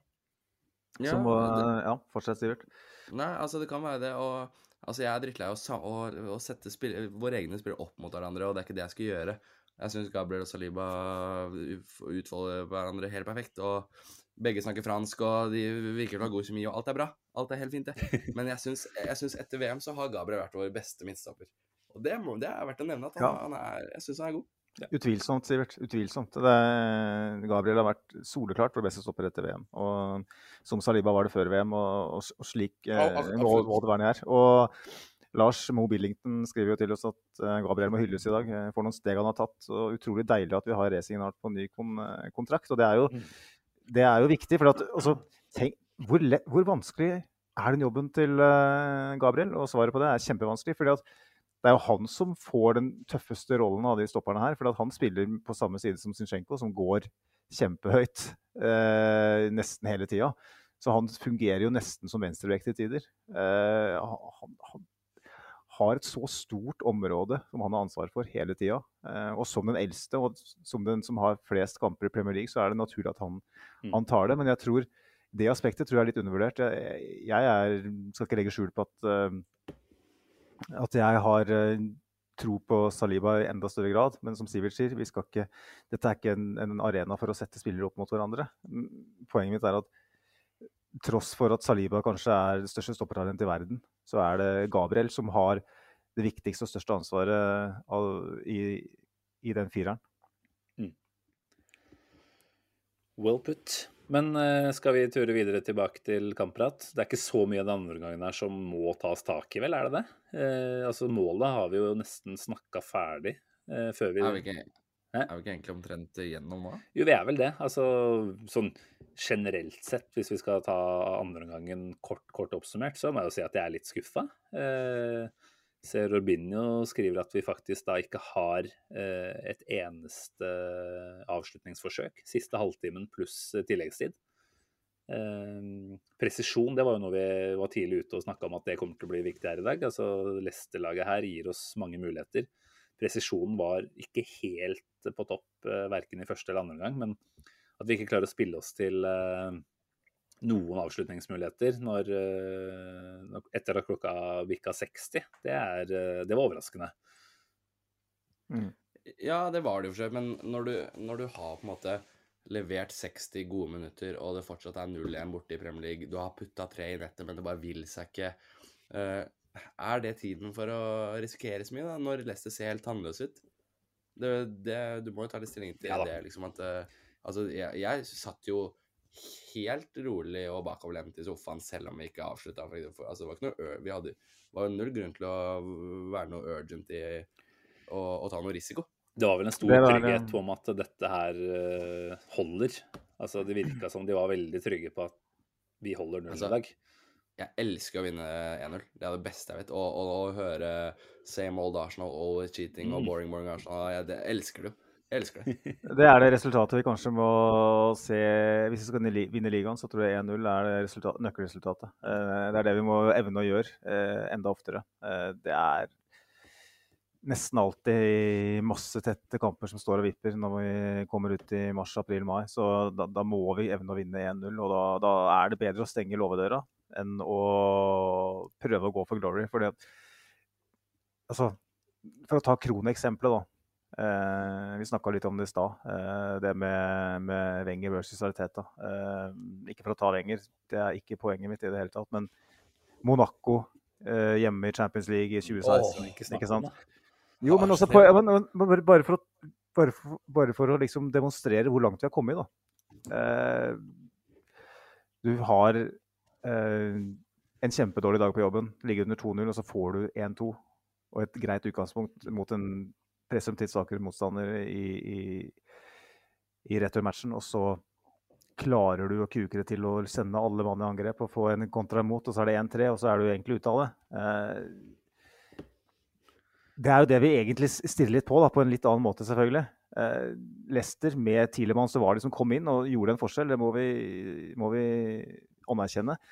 Da er, da er riktig metode for meg sette inn Thomas Party sammen med Sjaka og Jorginho. Bare ro det her i land. Mm. Få det inn. Og det er, det er så, det er så sterkt. Det er så jævlig sterkt. For et herlig Monaco-lag. Med, med, med Fabinho, Martial og Carasco og Berbatov og Det var jo veldig hyggelig kamp der, da. Ja, nei, jeg husker bare Giroud som brant alt som fantes av muligheter i returmatchen. Men eh, poeng jeg, Ja, jeg er helt enig, jeg er helt enig altså, for å ta det mer på det seriøse planen. At eh, det, det, er det, det er det du må gjøre. Og altså, tittellag Altså, for å, for å putte det her, da. City henter Braut, som, som Altså, han putter så jævlig mye. Han har knust rekord på rekord på rekord på rekord, og hat trick-rekord og målrekord og snitt og antall minutter, og han har nesten 30 mål på 20 kamper. Det er helt sykt! Men de har fortsatt bak oss. Altså det, er, altså, det handler om å vinne fotballkamper, og det, hvis du ikke slipper inn, så må du bare ha én. Det er jo det er matte. Matten vinner alltid. Det er som eh, min gode venn eh, Christian Wessel sier på Wildcard, uh, Wildcard FC-episoden her på. Matten vinner alltid. Det er, det, er sånn det, er, det er sånn det er i fotball. Ja, og matten, eh, matten vinner alltid. Det er faktisk et veldig godt begrep når man ser på, på XG òg. ikke sant? Du ser at Arsenal nesten utelukkende vinner XG hver eneste gang. Eh, hvorfor gjør man det? Jo, fordi at man når man leder og når man har initiativet, så, så inviterer man ikke motstander inn i kampen igjen ved å, å rote det til defensivt, sånn som vi dessverre har gjort litt de siste tida. Men Arsenal med ledelse, det er, det er vanskelig for nesten alle. Eh, Vi er utrolig gode. Eh, Nå skal jeg gjerne sitte, komme servert noen sånn kjempetall om at, uh, at vi er det laget i Premier League som gir fra oss minst poeng når vi leder og sånn. Uh, det aner jeg ikke om vi gjør, men jeg tipper vi ligger er jævlig høyt oppe. Mm. Så det er, eh, Altså, det er jævlig Det er, jo, det er faktisk verdt å merke seg at eh, City scorer 10-12 uh, har skåra 10-12 mål flere enn oss. Og vi Sluppet inn, sluppet inn noen flere òg, eller? Sluppet inn to mer. Det er ikke mer, nei. Nei. så der kan vi jo på en måte ikke dra den så langt, da. Men på, altså Nei, nei, men Ja. po poenget er jo at man eh, at, at City eh, i motsetning til oss, eh, mister hodet litt i defensiv omstilling når man leder. Det har vi sett mange ganger. Mm. Gjør det. Så den syns jeg, synes jeg står seg, den der, uh, handlingen der. Apropos tall, bare for å ta noen korte til slutt her. Eh, hvor mange Premier League-mål eh, har blitt skåra av Arsenal-spillere under eh, 21? Så, Ja, altså pers personer eller mål? Nei, hvor mange mål? Jeg tipper um, Under 21, Ja, det var 21, tipper, 21 runder. eh, eller under. Ja, jeg, jeg tipper uh, uh, 17. 20? Sorry, Ja, Magnus, du fikk ikke gjette engang.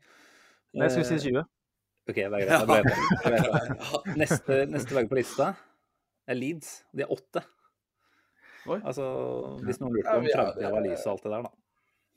Vi er jo det yngste laget i Premier League, og det er jo noe vi bare må stå ved. Eh, Jeg tror det er det som dessverre gjør at det ryker på målstreken, men uh, så lenge du kan dra opp fine stats om det, så koser jeg meg med det. Men da må jo. Er Haaland 22, eller? Må jo være 22. Jeg vil ikke prate om, Ja. jeg vil ikke prate, jeg vil ikke prate om målstreken. Men, eh, men det, bare for å bare for å Vi glemmer Haaland, men bare for å, å nevne det, da. Når man ser liksom samme statistikk for hele topp fem-ligaen i Europa, så, så ligger tre Arsenal-spillere på topp fem der, og, tror jeg, og en av dem er jo Barlogen. Men uh, det er Det gror utrolig godt, den solsikken. Den vokser seg med steroider opp mot himmelen. Ja, den, den gjør faktisk. Altså. Og det er Nei, men Det er eh, det er kampen oppsummert, er det ikke det? Jeg syns det var veldig fint på slutten der, når, eh, når Arteta og co. er over og takker bortefansen for, eh, for støtta. Og så er det liksom ett område på hele King Power hvor sola skinner, og det er bortesvingen. Det er sånn det føles ut som å være Arsenal-supporter nå. Bare sola skinner på oss. Og Jeg hørte jo bare bortefans nå, Ja, ja. i 90 minutter. er vel ikke, Altså, jo... Så lenge ikke du deler ut clappers til den gjengen på King Power, så er vel ikke de ganske høylytte, er det det? Jorginho? Jorginho Altså, i 90 minutter. Og han fortjente det òg. Han var altså, det er, altså ja, Han er Måten han har kommet inn, det Arsenal-laget her, funnet rollen sin, det var jo ikke gitt at han skulle gjøre. Prestere på det nivået her. For en herlig Altså, han, han eh, For å Altså, jeg la på Twitter at jeg drikker Peroni, tenker på Jorginho. Spiser pasta, tenker på Jorginho. uh, altså, altså, han, han minner meg om en sånn lett og hissig Sangiovese, som jeg bare har lyst til å åpne og så la han ligge i karaffelen i tre timer og bare, bare nyte utover kvelden og bare ha en god, god flørt med. Lukter på den. Herlig spiller. Herlig spiller. Deilig. Takk.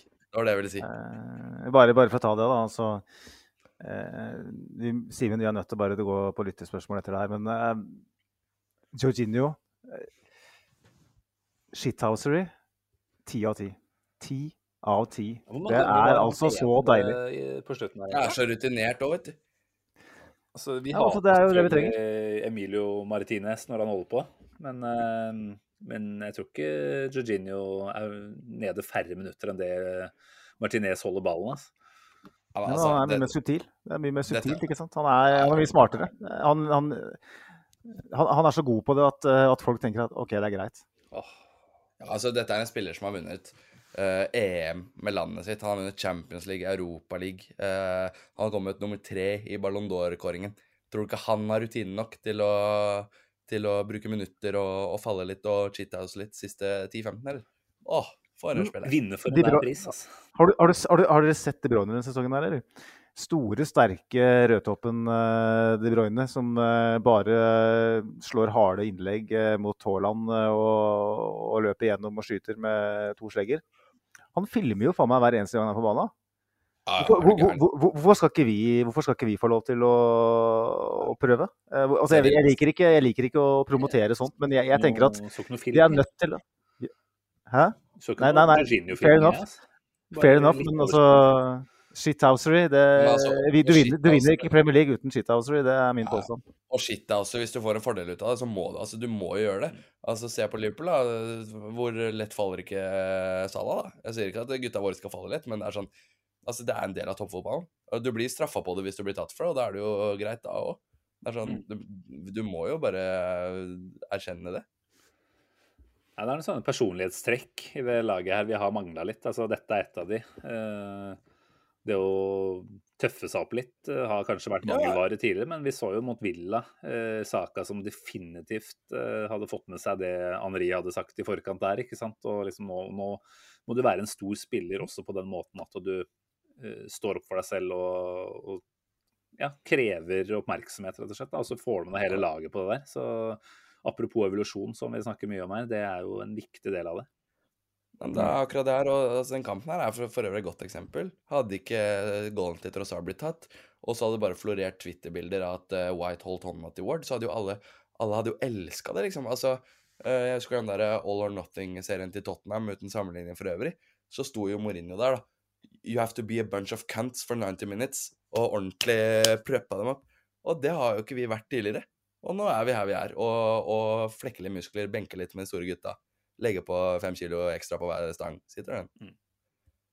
Ja, du ønsker, Nei, det er du, du ønsker ikke at, eh, at, eh, at de nøytrale skal si at eh, vi ønsker at Arsenal vinner ligaen, for at de, de er så hederlige. Um, Ja, men nei Glem hederlige. Når du, Nei, nei, men det- ja, men det er poenget, Ja, jeg bare spiller videre på det. Jeg er enig med deg. Altså, det er jo det der med å ha motstandersupportere som sier at ja, det er fint at Arsenal vinner ligaen sånn. Det er ålreit, det, altså. Men jeg vil jo mye heller ha motstandersupportere som sier faen at Arsenal vinner ligaen. Det er, Ja, det er så deilig. Det er så deilig. Ikke Åh, sant? jeg har, har Liverpool-kompiser som eh, han ene sendte meg uh, under matchen vår. Han derre Saliba som du snakker så mye om. Han har jo, han har jo uh, nærteknikken til Richard Dunn, han. Og dere, og dere bare faller, og, og han derre Jesus gruer meg til han kommer tilbake. Han er den verste i klassen. Det er sånn, Jeg elsker å høre det. Jeg får så Det er Altså, det er så fyrstikk eh, i, i tørr skog på, når noen sier det til meg. Ah, det er- eh, og så, så ser du United-fansen nå som eh, har en, en besettelse på Arsenal. og alt som aldri om Arsenal. De sier at ja, det er jo bedre hvis Arsenal vinner enn City, men de mener det egentlig ikke innerst inne. Nei, vi er- jo ikke det, da. Så det er, det er eh, We are back, boys. Det er så deilig. Hadde du noe mer eh, lytterspørsmål, eller, Magnus? Vi må bare ta noen. Eh, Jeg har ikke noen plan for det her, selvfølgelig, Nei, men Trenger eh, ikke det, vi. Bitt vi har Det er Ikke noen plan, vi bare kommer i mål, vi nå. Jeg har tømt fire Frydenlund mens vi har spilt inn, så jeg kan svare på hva som helst. Ja, ikke sant. Uh, skal vi se her, uh, folkens. Uh, vi har et fra Fleskspurven, selvfølgelig. Han er veldig dyktig til å komme med innspill. Han spør Nketia tilbake som spiss neste. Eller Ja, skal vi se fram, skal vi se fram mot Everton? Det blir jo for så vidt det, da. Det er jo mynta på Mm. prestasjon til Trossard. Er det, er det tid for å eh, la Trossard fortsette, eller skal Nketia inn igjen? Begge deler. Ja takk. Trossard. Ole Brumm? Trossard, Trossard Eddie Saka. Å ja. Ja, det, det, det, mm, det er min lille påstand. For jeg liker, jeg liker fysikken til Eddie inni boksen her. eh, Og jeg liker han eh, Altså, for å si det sånn, han holder jo et par stoppere busy, han. Mens eh, Trossard driver og leker litt. Uh, nei, jeg hadde likt å se den eh, konstellasjonen. Uh, hvis Eddie er fit, så rater jeg Eddie. Det har jeg sagt på båten her mange ganger. Så jeg kan ikke endre Jeg har ikke lyst til å endre det. Jeg liker Eddie. jeg. Simen? Jeg også tenker at Eddie skal inn der, så lenge han har eh, opp mot 100 eh, fitness. Så, så er jeg klar for det. Veldig usikker på om det blir Trossard eller Martinelli. Eh, Martinelli som har golla to på rappen her nå. Eh, Ja, men du Men- får ikke det der bakrommet. Nei, du gjør ikke det, altså. med på boy som har sittet på bussen i fire timer og dratt ned til London der. De skal jo bare stenge igjen, de. Altså, alt har gjort ingen verdens ting for å fortjene en plass på benken her. Eh, så det er kanskje vanskelig å se for seg at Arteta som eh, vet å, å honorere, honorere gode prestasjoner, og gjerne fortsette med det som funker, at han skal ta han ut her, da. Eh, men det du får når du ikke har Enketia, det er jo denne dynamikken, og du får et mer levende angrepsspill da, totalt sett. Eh, altså, med, Ja. med Enketia så får du en god spiss, og så får du sannsynligvis en litt mer isolert venstrekant. Eh, så spørsmålet er jo liksom, blir summen av det bedre enn summen av en spiss, en falsk nier-type spiss og en venstrekant som hele veien eh, lever i hverandres eh, områder, da. Jeg, jeg tror nok Eddie spiller den kampen her, og det er fint å ha et sånn type våpen. Men, men det er ikke gitt, det heller, altså. Jeg satte den inn på fantasy-laget før den runden her, og det, altså Eddie, altså. Og det er jo litt sånn typisk at da spiller ikke han noen av de kampene fra start. Altså, målet altså, på det? Nå skal ikke jeg jinxe her, for jeg så åssen det var på Goodison for et par uker siden, men se for deg hvis det går litt trått da, og sette på Martinelli mot en sliten Coleman med gult kort der, da. Mm. Oi, oi, oi. Mm. Det er nettopp det som jeg, jeg hadde lyst til å si, og Sivert. Det her er tross alt uh, en æra hvor med, med fem, uh, fem bytter, uh, hvor, hvor stallen skal brukes, med mange kamper på kort tid osv. Hvem ønsker du skal komme inn mot trøtte bein? Det er jo Ja, Martinelli. det er jo Gabriel Martinelli. Han løper jo alle bekker i Premier League i senk, kanskje utenom Kyle Walker. Vi kommer jo til å dominere Everton. Vi kommer til å ha ballen hele tida. Vi kommer til å styre og angripe hele veien. Hvis vi ikke klarer å trenge gjennom. Da må vi ha et våpen på benken. Eh, Jeg syns det alene er et argument godt nok for at Martinelli starter på benken. Ja, altså du ser Son starta på benken for Tottenham i dag.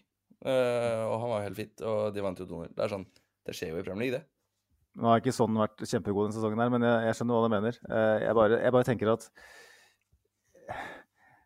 den kampen her den kommer til å bli ganske lik den på Goodison, bare at forhåpentligvis så har vi litt mer kvalitet. Eh, og da, da er det naturlig å tenke at Trossard på små flater eh, kommer til å være god. Det er naturlig å tenke at Edin. Ketia gjør en bedre, i bedre jobb i nierrollen enn Trossard, når han får murbrekkere som deiser inn i ryggen på han eh, hele veien. Eh, jeg er villig til å sette Nesten villig til å sette noen kroner på at det blir Trossard, Nketia, Saka. Ja, jeg tror det selv, ass. Uh, Vi hadde vel noe sånt sånn altså- Sorry. Sorry nei, nei, skjøn. Nei, jeg skulle bare si, Vi hadde Kjør. vel noe sånt som 70% ball på Goodison, og det var på Goodison, liksom. Altså, er helt sykt.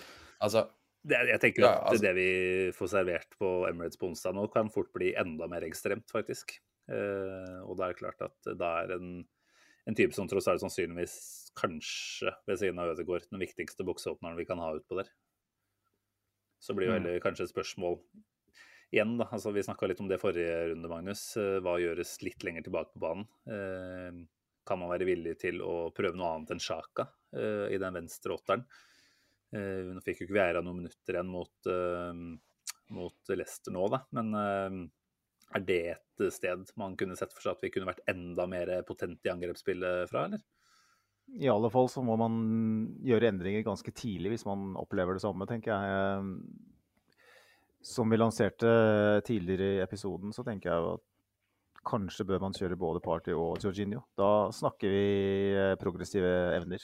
Hvis Ja, det Party er, er fit, da. Det, det er jo spørsmålet. Jeg tenker jo fremdeles så vil jeg være forsiktig med å kjøre Party fra start hvis han er bitte litt i nærheten av å ikke være klar. Eh, Men hvis han er klar, så så er det en spennende tanke å kjøre både han og Jorginho. Jeg, jeg vet jo ikke hvordan Jorginho funker som en venstre um, indreløperrolle, eller om ja, alternativt å ha begge spillerdypere. Men også jeg bare tenker at Ødegaard, Jorginho, Party Hvis ikke det er godt nok til å tre, å tre seg gjennom Everton, da er det få midtbaner i Premier League som kan klare det. Ja, men du, altså, jeg har mm, Altså, jeg er jo Vi har jo alltid sagt, eller dere sa alltid da jeg hørte på poden og ikke var med i den, at uh, du er den negative halvdelen, uh, Magnus. Mm. Eh, jeg føler at jeg har etablert den rollen litt, og er litt sånn Nei, og City kommer, og Jeg er helt sånn tussi i Ole Brumm. Sånn nei, nei, ing, ingen, liker, ingen liker meg, og nei, og nei, det går jo ikke. Men eh, Everton på Emirates høvler over de. Eh, Det er, jeg er ikke redd for i det hele tatt. Det er, som du sier, vi hadde så mye ball på Goodison, og vi har så god call på Everton. Vi, vi, vi tapte på Goodison forrige sesong. Vi tapte på Goodison nå. Altså, gutta kommer til å være fired up. Vi husker den der All or Nothing-dokumentaren. De viste den derre Tony-tweeten. Glem Tony-tweeten. Vi har tapt to på rad bort mot Everton nå. De kommer jo ikke hjem til vår, eh, vårt hjem og slår oss en tredje gang. Altså, det hadde vært ydmykende. For, ikke for meg som sitter på Tjøme, men for gutta. Så var det vel snakk om at Calvert Lewin faktisk er ute til den kampen her nå, er det ikke det? Mer at jeg noterte meg det. Vi har jo hatt litt flyt, det skal jo sies noe. Nå var Madison ute i helga, og så, og så slipper er så vi helt Calvert Lewin, og som du skrev, Magnus, altså Palinja er ute i den Fulham-kampen om et par uker. Så, så det, det er jo noe med at stjernene er på linje her nå. Det føles ut som noen Yes. eh, litt høyere makter ønsker at Arsenal skal gjøre noe stort denne sesongen her.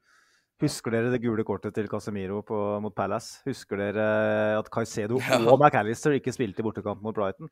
Det Du har helt rett, Simen. Men Stjernene de liner opp. Kulisevskij var ute eh, Tottenham borte. Han er deres beste spiller. Nei, han spilte. Han spilte han. Men, men så skal ikke vi heller sitte og prate om at det er derfor vi gjør det bra. Altså Det er viktig, for la det ikke spre seg noen sånn uh, antakelse der ute om at eh, vi er avhengig av at motstanderne våre har sine viktigste spillere ute. Det skal vi ha oss frabedt. Uh, det Arsenal-laget her hadde spilt ut United på hjemmebane uansett, det er jeg sikker på. Men så skal det videre, så igjen da, nå, nå føler jeg at den setningen her uh, går inflasjon på den setningen her, hvis vi skal vinne Premier League. Men hvis vi skal vinne Premier League, så trenger vi jo flyt. Ja.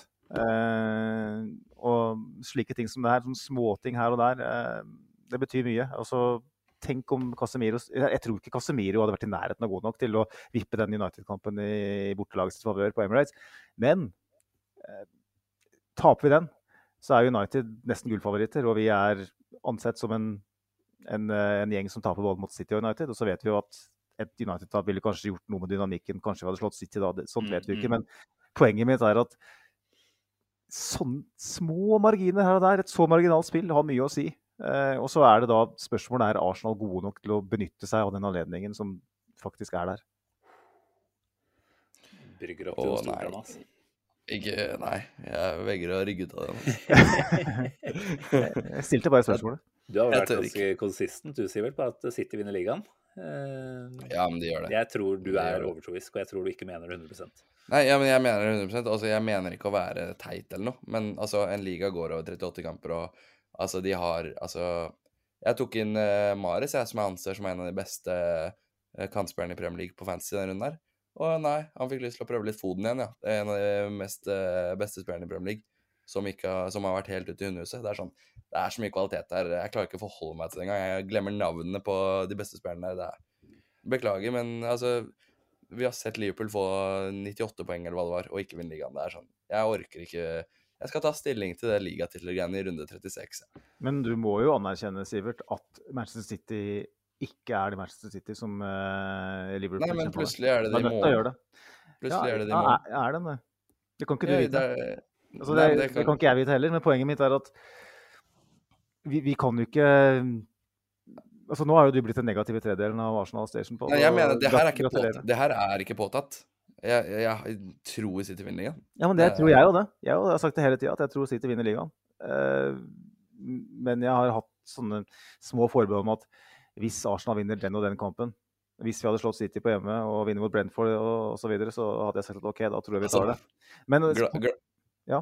Nei, jeg skal bare si at glasshuset mitt begynner å bli litt Det, altså, det er ikke pleksiglass, for jeg har jo mekka to billetter til meg og deg, Wolverhampton hjemme. Sånn, jeg vil jo stå Jeg vil jo stå og løfte bøtte. Jeg, jeg ser at det kan skje, men jeg bare tr tror det ikke. Jeg tror ikke på det ordentlig. Nei, men jeg bare, jeg bare syns at City får eh, Og sånn, sånn, sånn funker det i media òg. Det er narrativer. Det er sånn at ja, for at City vant 19 på rad for to år siden, så skal de gjøre det igjen. Det er ikke, det er ikke noe selvfølgelighet. Og hvis vi ser på mm, den sesongen her isolert sett, så har City vel ikke klart mer enn tre seire på rad sånn i, i ligasammenheng. Um, og nå skal de inn i Champions League. Altså, det fins argumenter for at City skal klare det, men det fins Mm. like mange argumenter imot. Ja, ja? Og derfor så skal vi kanskje prøve å ikke uh, la oss lede ned noen av veiene, og prøve, som du har sagt, Sivert, å ta oss litt ut fra bobla, uh, som jeg er litt imot. Men jeg tror det kanskje av og til kan være viktig uh, å bare gå litt ut av bobla og tenke at vi får bare ta den neste matchen. For det, det blir så forbanna slitsomt hvis vi hele veien skal sitte og snakke om at OK, hvis vi taper den, så tar, vinner vi ligaen. Nei, hvis vi taper den, så vinner vi ikke ligaen. Hvis vi vinner den, så vinner vi ligaen. Det er, det er så langt igjen. Mm. Fortsatt. 14 kamper. Ja, altså, jeg, jeg gikk på matchene til City nå. Det er Newcastle nå, neste. Ingen blir forundra hvis det blir 0-0 eller de ryker der. Eh, etter det, Palace borte. Ingen blir forundra hvis de taper på Sellers, ikke sant? Etter det, Westham. Ja, ingen blir forundra hvis Westham skrur på. Men så er den andre siden av den samme mynten. Får de ni poeng, så er det ingen som løfter øyenbryn da heller. Det er sånn City er De er så jævlig gode, men så har de vært litt eh, vanskelig å forutse denne sesongen her, da. Jeg er enig. De har ikke sett City Altså, Prime City er ikke det vi møter. Det er jeg enig i. Men eh, jeg bare sliter litt med tanken. Men eh, for all del, for all del, boys. Jeg håper vi vinner Jeg håper vi vinner ligaen. Jeg gjør det. Sykt å si. Sykt å si. Ja, ja. Nei, det er det jeg har å si. Det er det jeg har å si til det.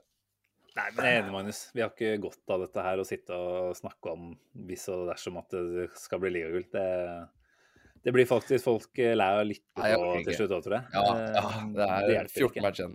Vi klarer ikke å la være, da. Det er det som er problemet. Og mm, Ja. som jeg skrev til dere før i dag, at eh, eh, jeg føler ikke at, eh, at jeg er den beste kilden for analysen eh, nå om dagen. For at jeg ser fotball med hjerte og mage i stedet for hodet. Jeg var forbanna i pausa mot, uh, mot Leicester nå. fordi at jeg bare syntes det var råttent at vi ikke hadde skåret mål mot det svake Leicester-laget. Og så sitter jeg etter kampen og tenker at for en kontroll vi hadde.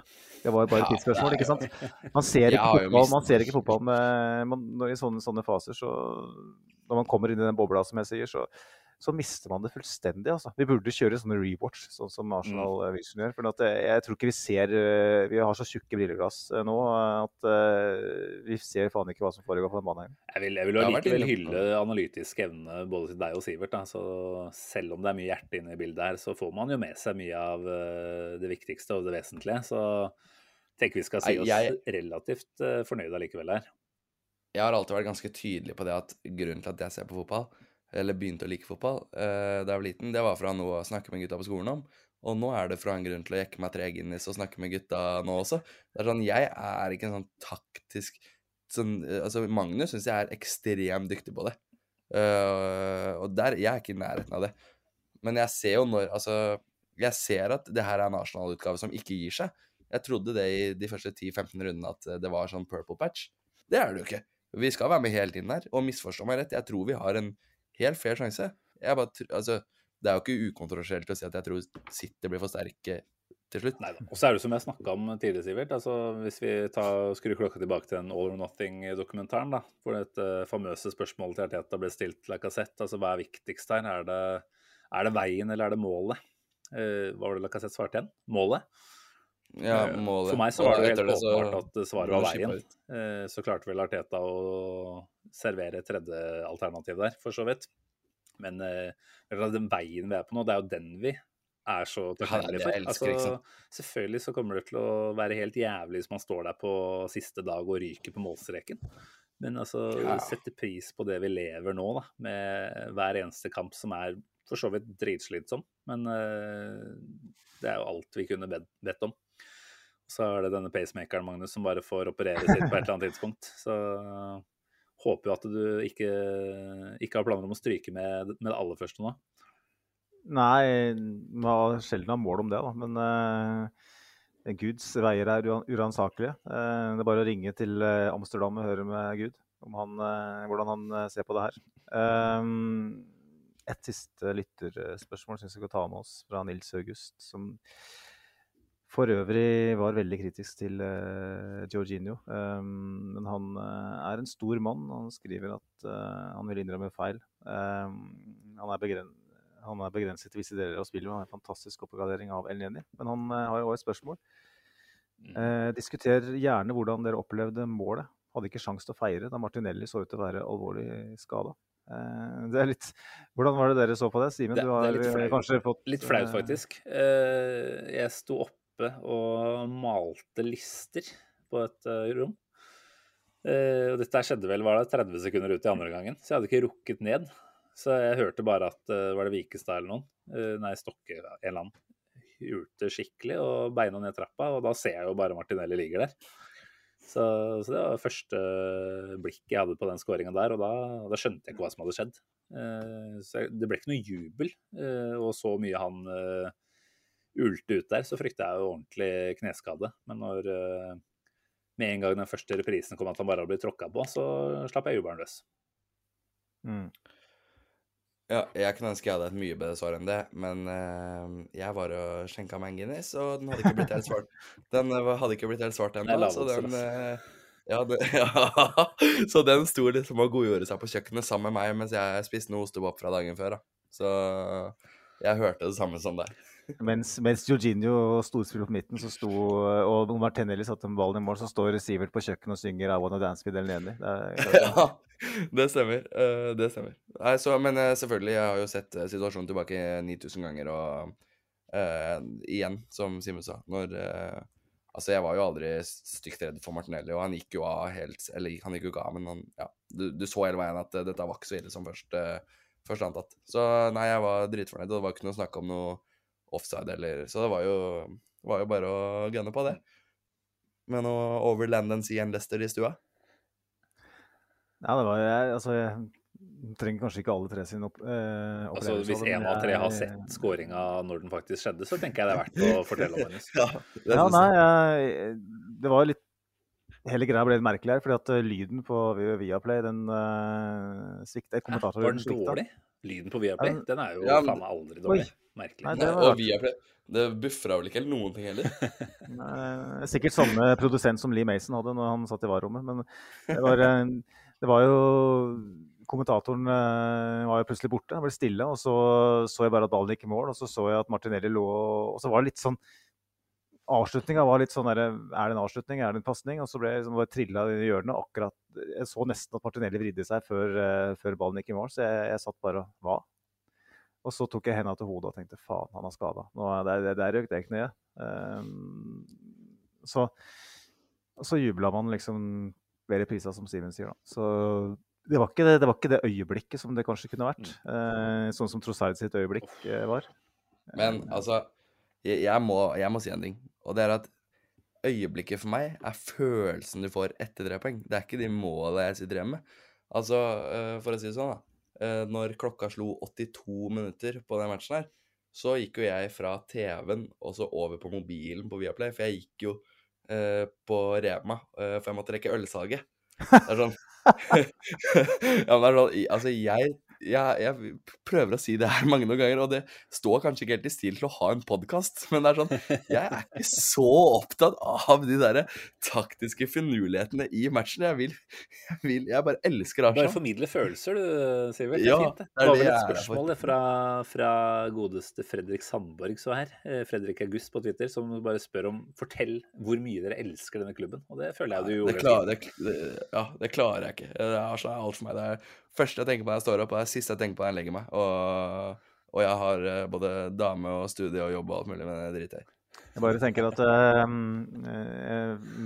mutter'n sa at uh, hun sjekka ikke tekst-TV, men uh, kanskje nettet. Hun har vel kommet dit, hun òg. Hun sjekka VG Live eller hva det var. At eh, jo, Arsenal har uh, vunnet den kampen her. Og da trekka et lettelsens, sukt på vegne av uh, da, eh, samboer og døtrene mine. For Da tenker jeg at da blir det en, blir det en OK lørdagskveld. For at, eh, så, så viktig er det at Arsenal vinner. og det det var faktisk sånn at pga. at uh, Kompani Lauritzen skulle konsumeres her i heimen, så måtte jeg umiddelbart etter kamp gå rett opp og sette på ovnen og begynne å slenge inn pommes frites.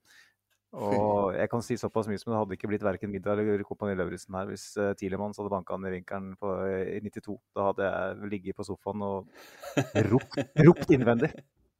Nei, for å si det sånn, det har hendt eh, Nå sto jeg jo på Heidis halv fire og, og sang I Wanna Dance With Eleni, men det har skjedd at jeg har vært sendt melding til kompisgjengen min og vært sånn Nei, jeg, jeg er ikke helt fysen på å dra ut, så jeg mista det helt, jeg. Og så har jeg bare lagt meg ned og spilt Subway Surfers på telefonen til jeg slokna, liksom. Det er altså, Helgen min ble ødelagt, uka mi ble ødelagt. Hvis Arsenal taper, det er Nå er jeg ikke sånn.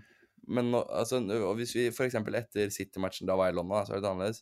Men eh, etter eh, Everton-matchen, f.eks., hvor vi bare ble utklassa, eh, helt fair and square, så er jeg sånn Ja, ordner seg. Eh, liksom Det går bra. Men når vi lå på niendeplass og tiendeplass og 17. Det var så tungt. Så dette fortjener vi, gutter. Og det, fortjener, og det sier jeg til gutter og jenter, faktisk. For jeg vil si til alle som hører på. Ja, ikke bare gutter og jenter, men det fins vel omtrent 200 kjønn i dag, gjør det ikke det? Så alle må med. Den lar jeg ligge. Bra. Yes. Eh, nei, vi får begynne å runde av, eller? Er det sånn at vi er ganske ferdigprata? Eh, sett fram mot Everton, det har vi gjort. Eh, Bournemouth er vel eh, lørdagskamp, søndagskamp. Eh, det betyr jo at vi Altså, det var, jeg så det var mange som, eh, og kanskje særlig United-folk, som snakka om at de var med i title-racet her nå. Og du har vel sagt det, Magnus, og det har vel vært ymta frampå flere steder. Men altså, hvis vi vinner de to neste her nå, vi skal ikke ta noe på forskudd, selvfølgelig, så har vi da dratt opp en 14 poengs luke eh, til United, som spiller mot Liverpool borte eh, i helga. Eh, det er litt sånn deilig at de var inne i title racet i et kvarter her for en par uker tilbake, og nå har de vært inne i fem minutter, og så er de ute igjen. Ja, det er klart at uh, James Miller kan jo fort endre på det på, på Anfield. Men uh, ja, jeg, jeg tror fortsatt United er i, i gullkampen. Men Det er fordi at man, man skal med åttepoengsluke aldri i verden på et tidspunkt her begynne å, å si at noe er kjørt. Uh, men ja, vinner vi de to kampene her, eh, så er jo det kniven på strupen så til de grader for eh, United. Så mm, det er eh, Man begynner å tenke liksom 63 poeng etter eh, Nå er vi på 57. Vinner vi to, så er vi på 63 poeng med 12 kamper igjen. Altså det, da, kan du liksom, da er det bare å, begynne å sy på Champions League-patches på armene. Liksom. Da, er det, da er det kjørt uansett. Det går ikke an å kollapse så ille. Så det er de to kampene som kommer nå, det er muligheten til å liksom bare feie all tvil til side. Vi er topp to, eh, topp tre i aller verste fall med en kjempekollaps. Så fantastisk posisjon å være i. Ja, helt supert. Altså. Og vi spiller jo ikke inn noen ny episode før vi har spilt begge to. Uh, så det blir veldig spennende å se hvilket, uh, hvilket humør vi er i da. Uh, jeg håper, håper Jeg har selvfølgelig trua. det beste. Jeg har veldig trua. Hvis, Sean, jeg- hvis, uh, hvis Sean Dyche uh, setter inn uh, 1-0 eh, 1-0 til Arsenal på overtid med balla si, så skal jeg stille inn en ny episode på, på kvelden.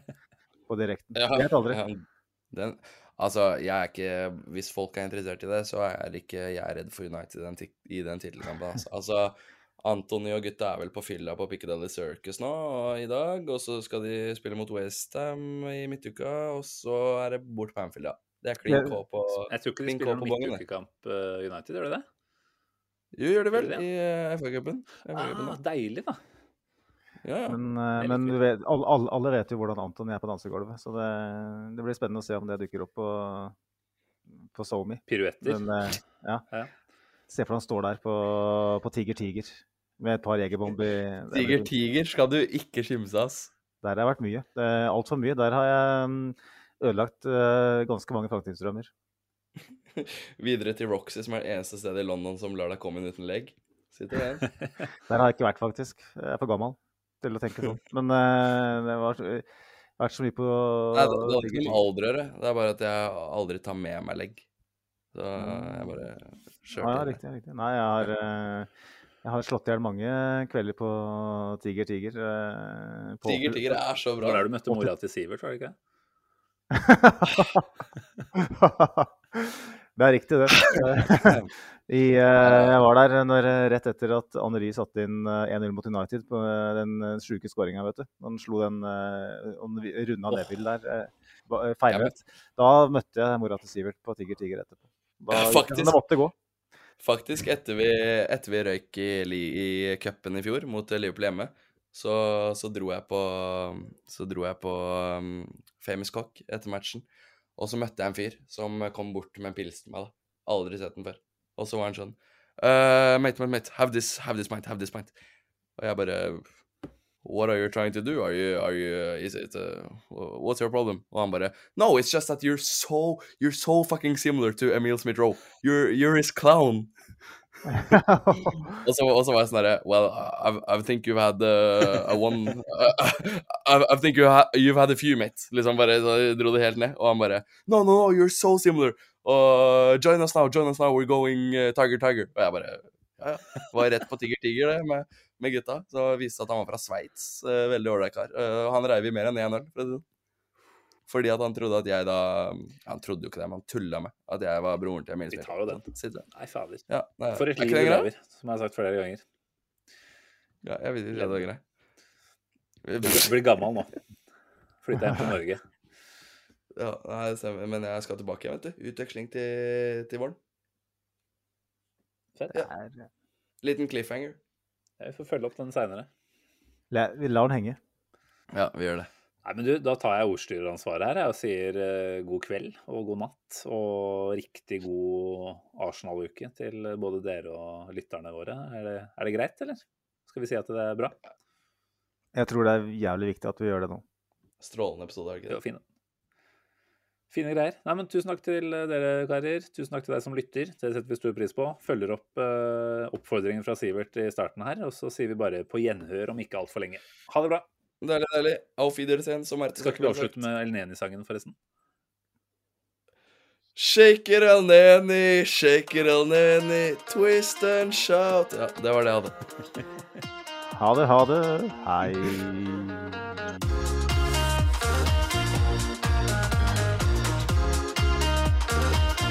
This train terminates here.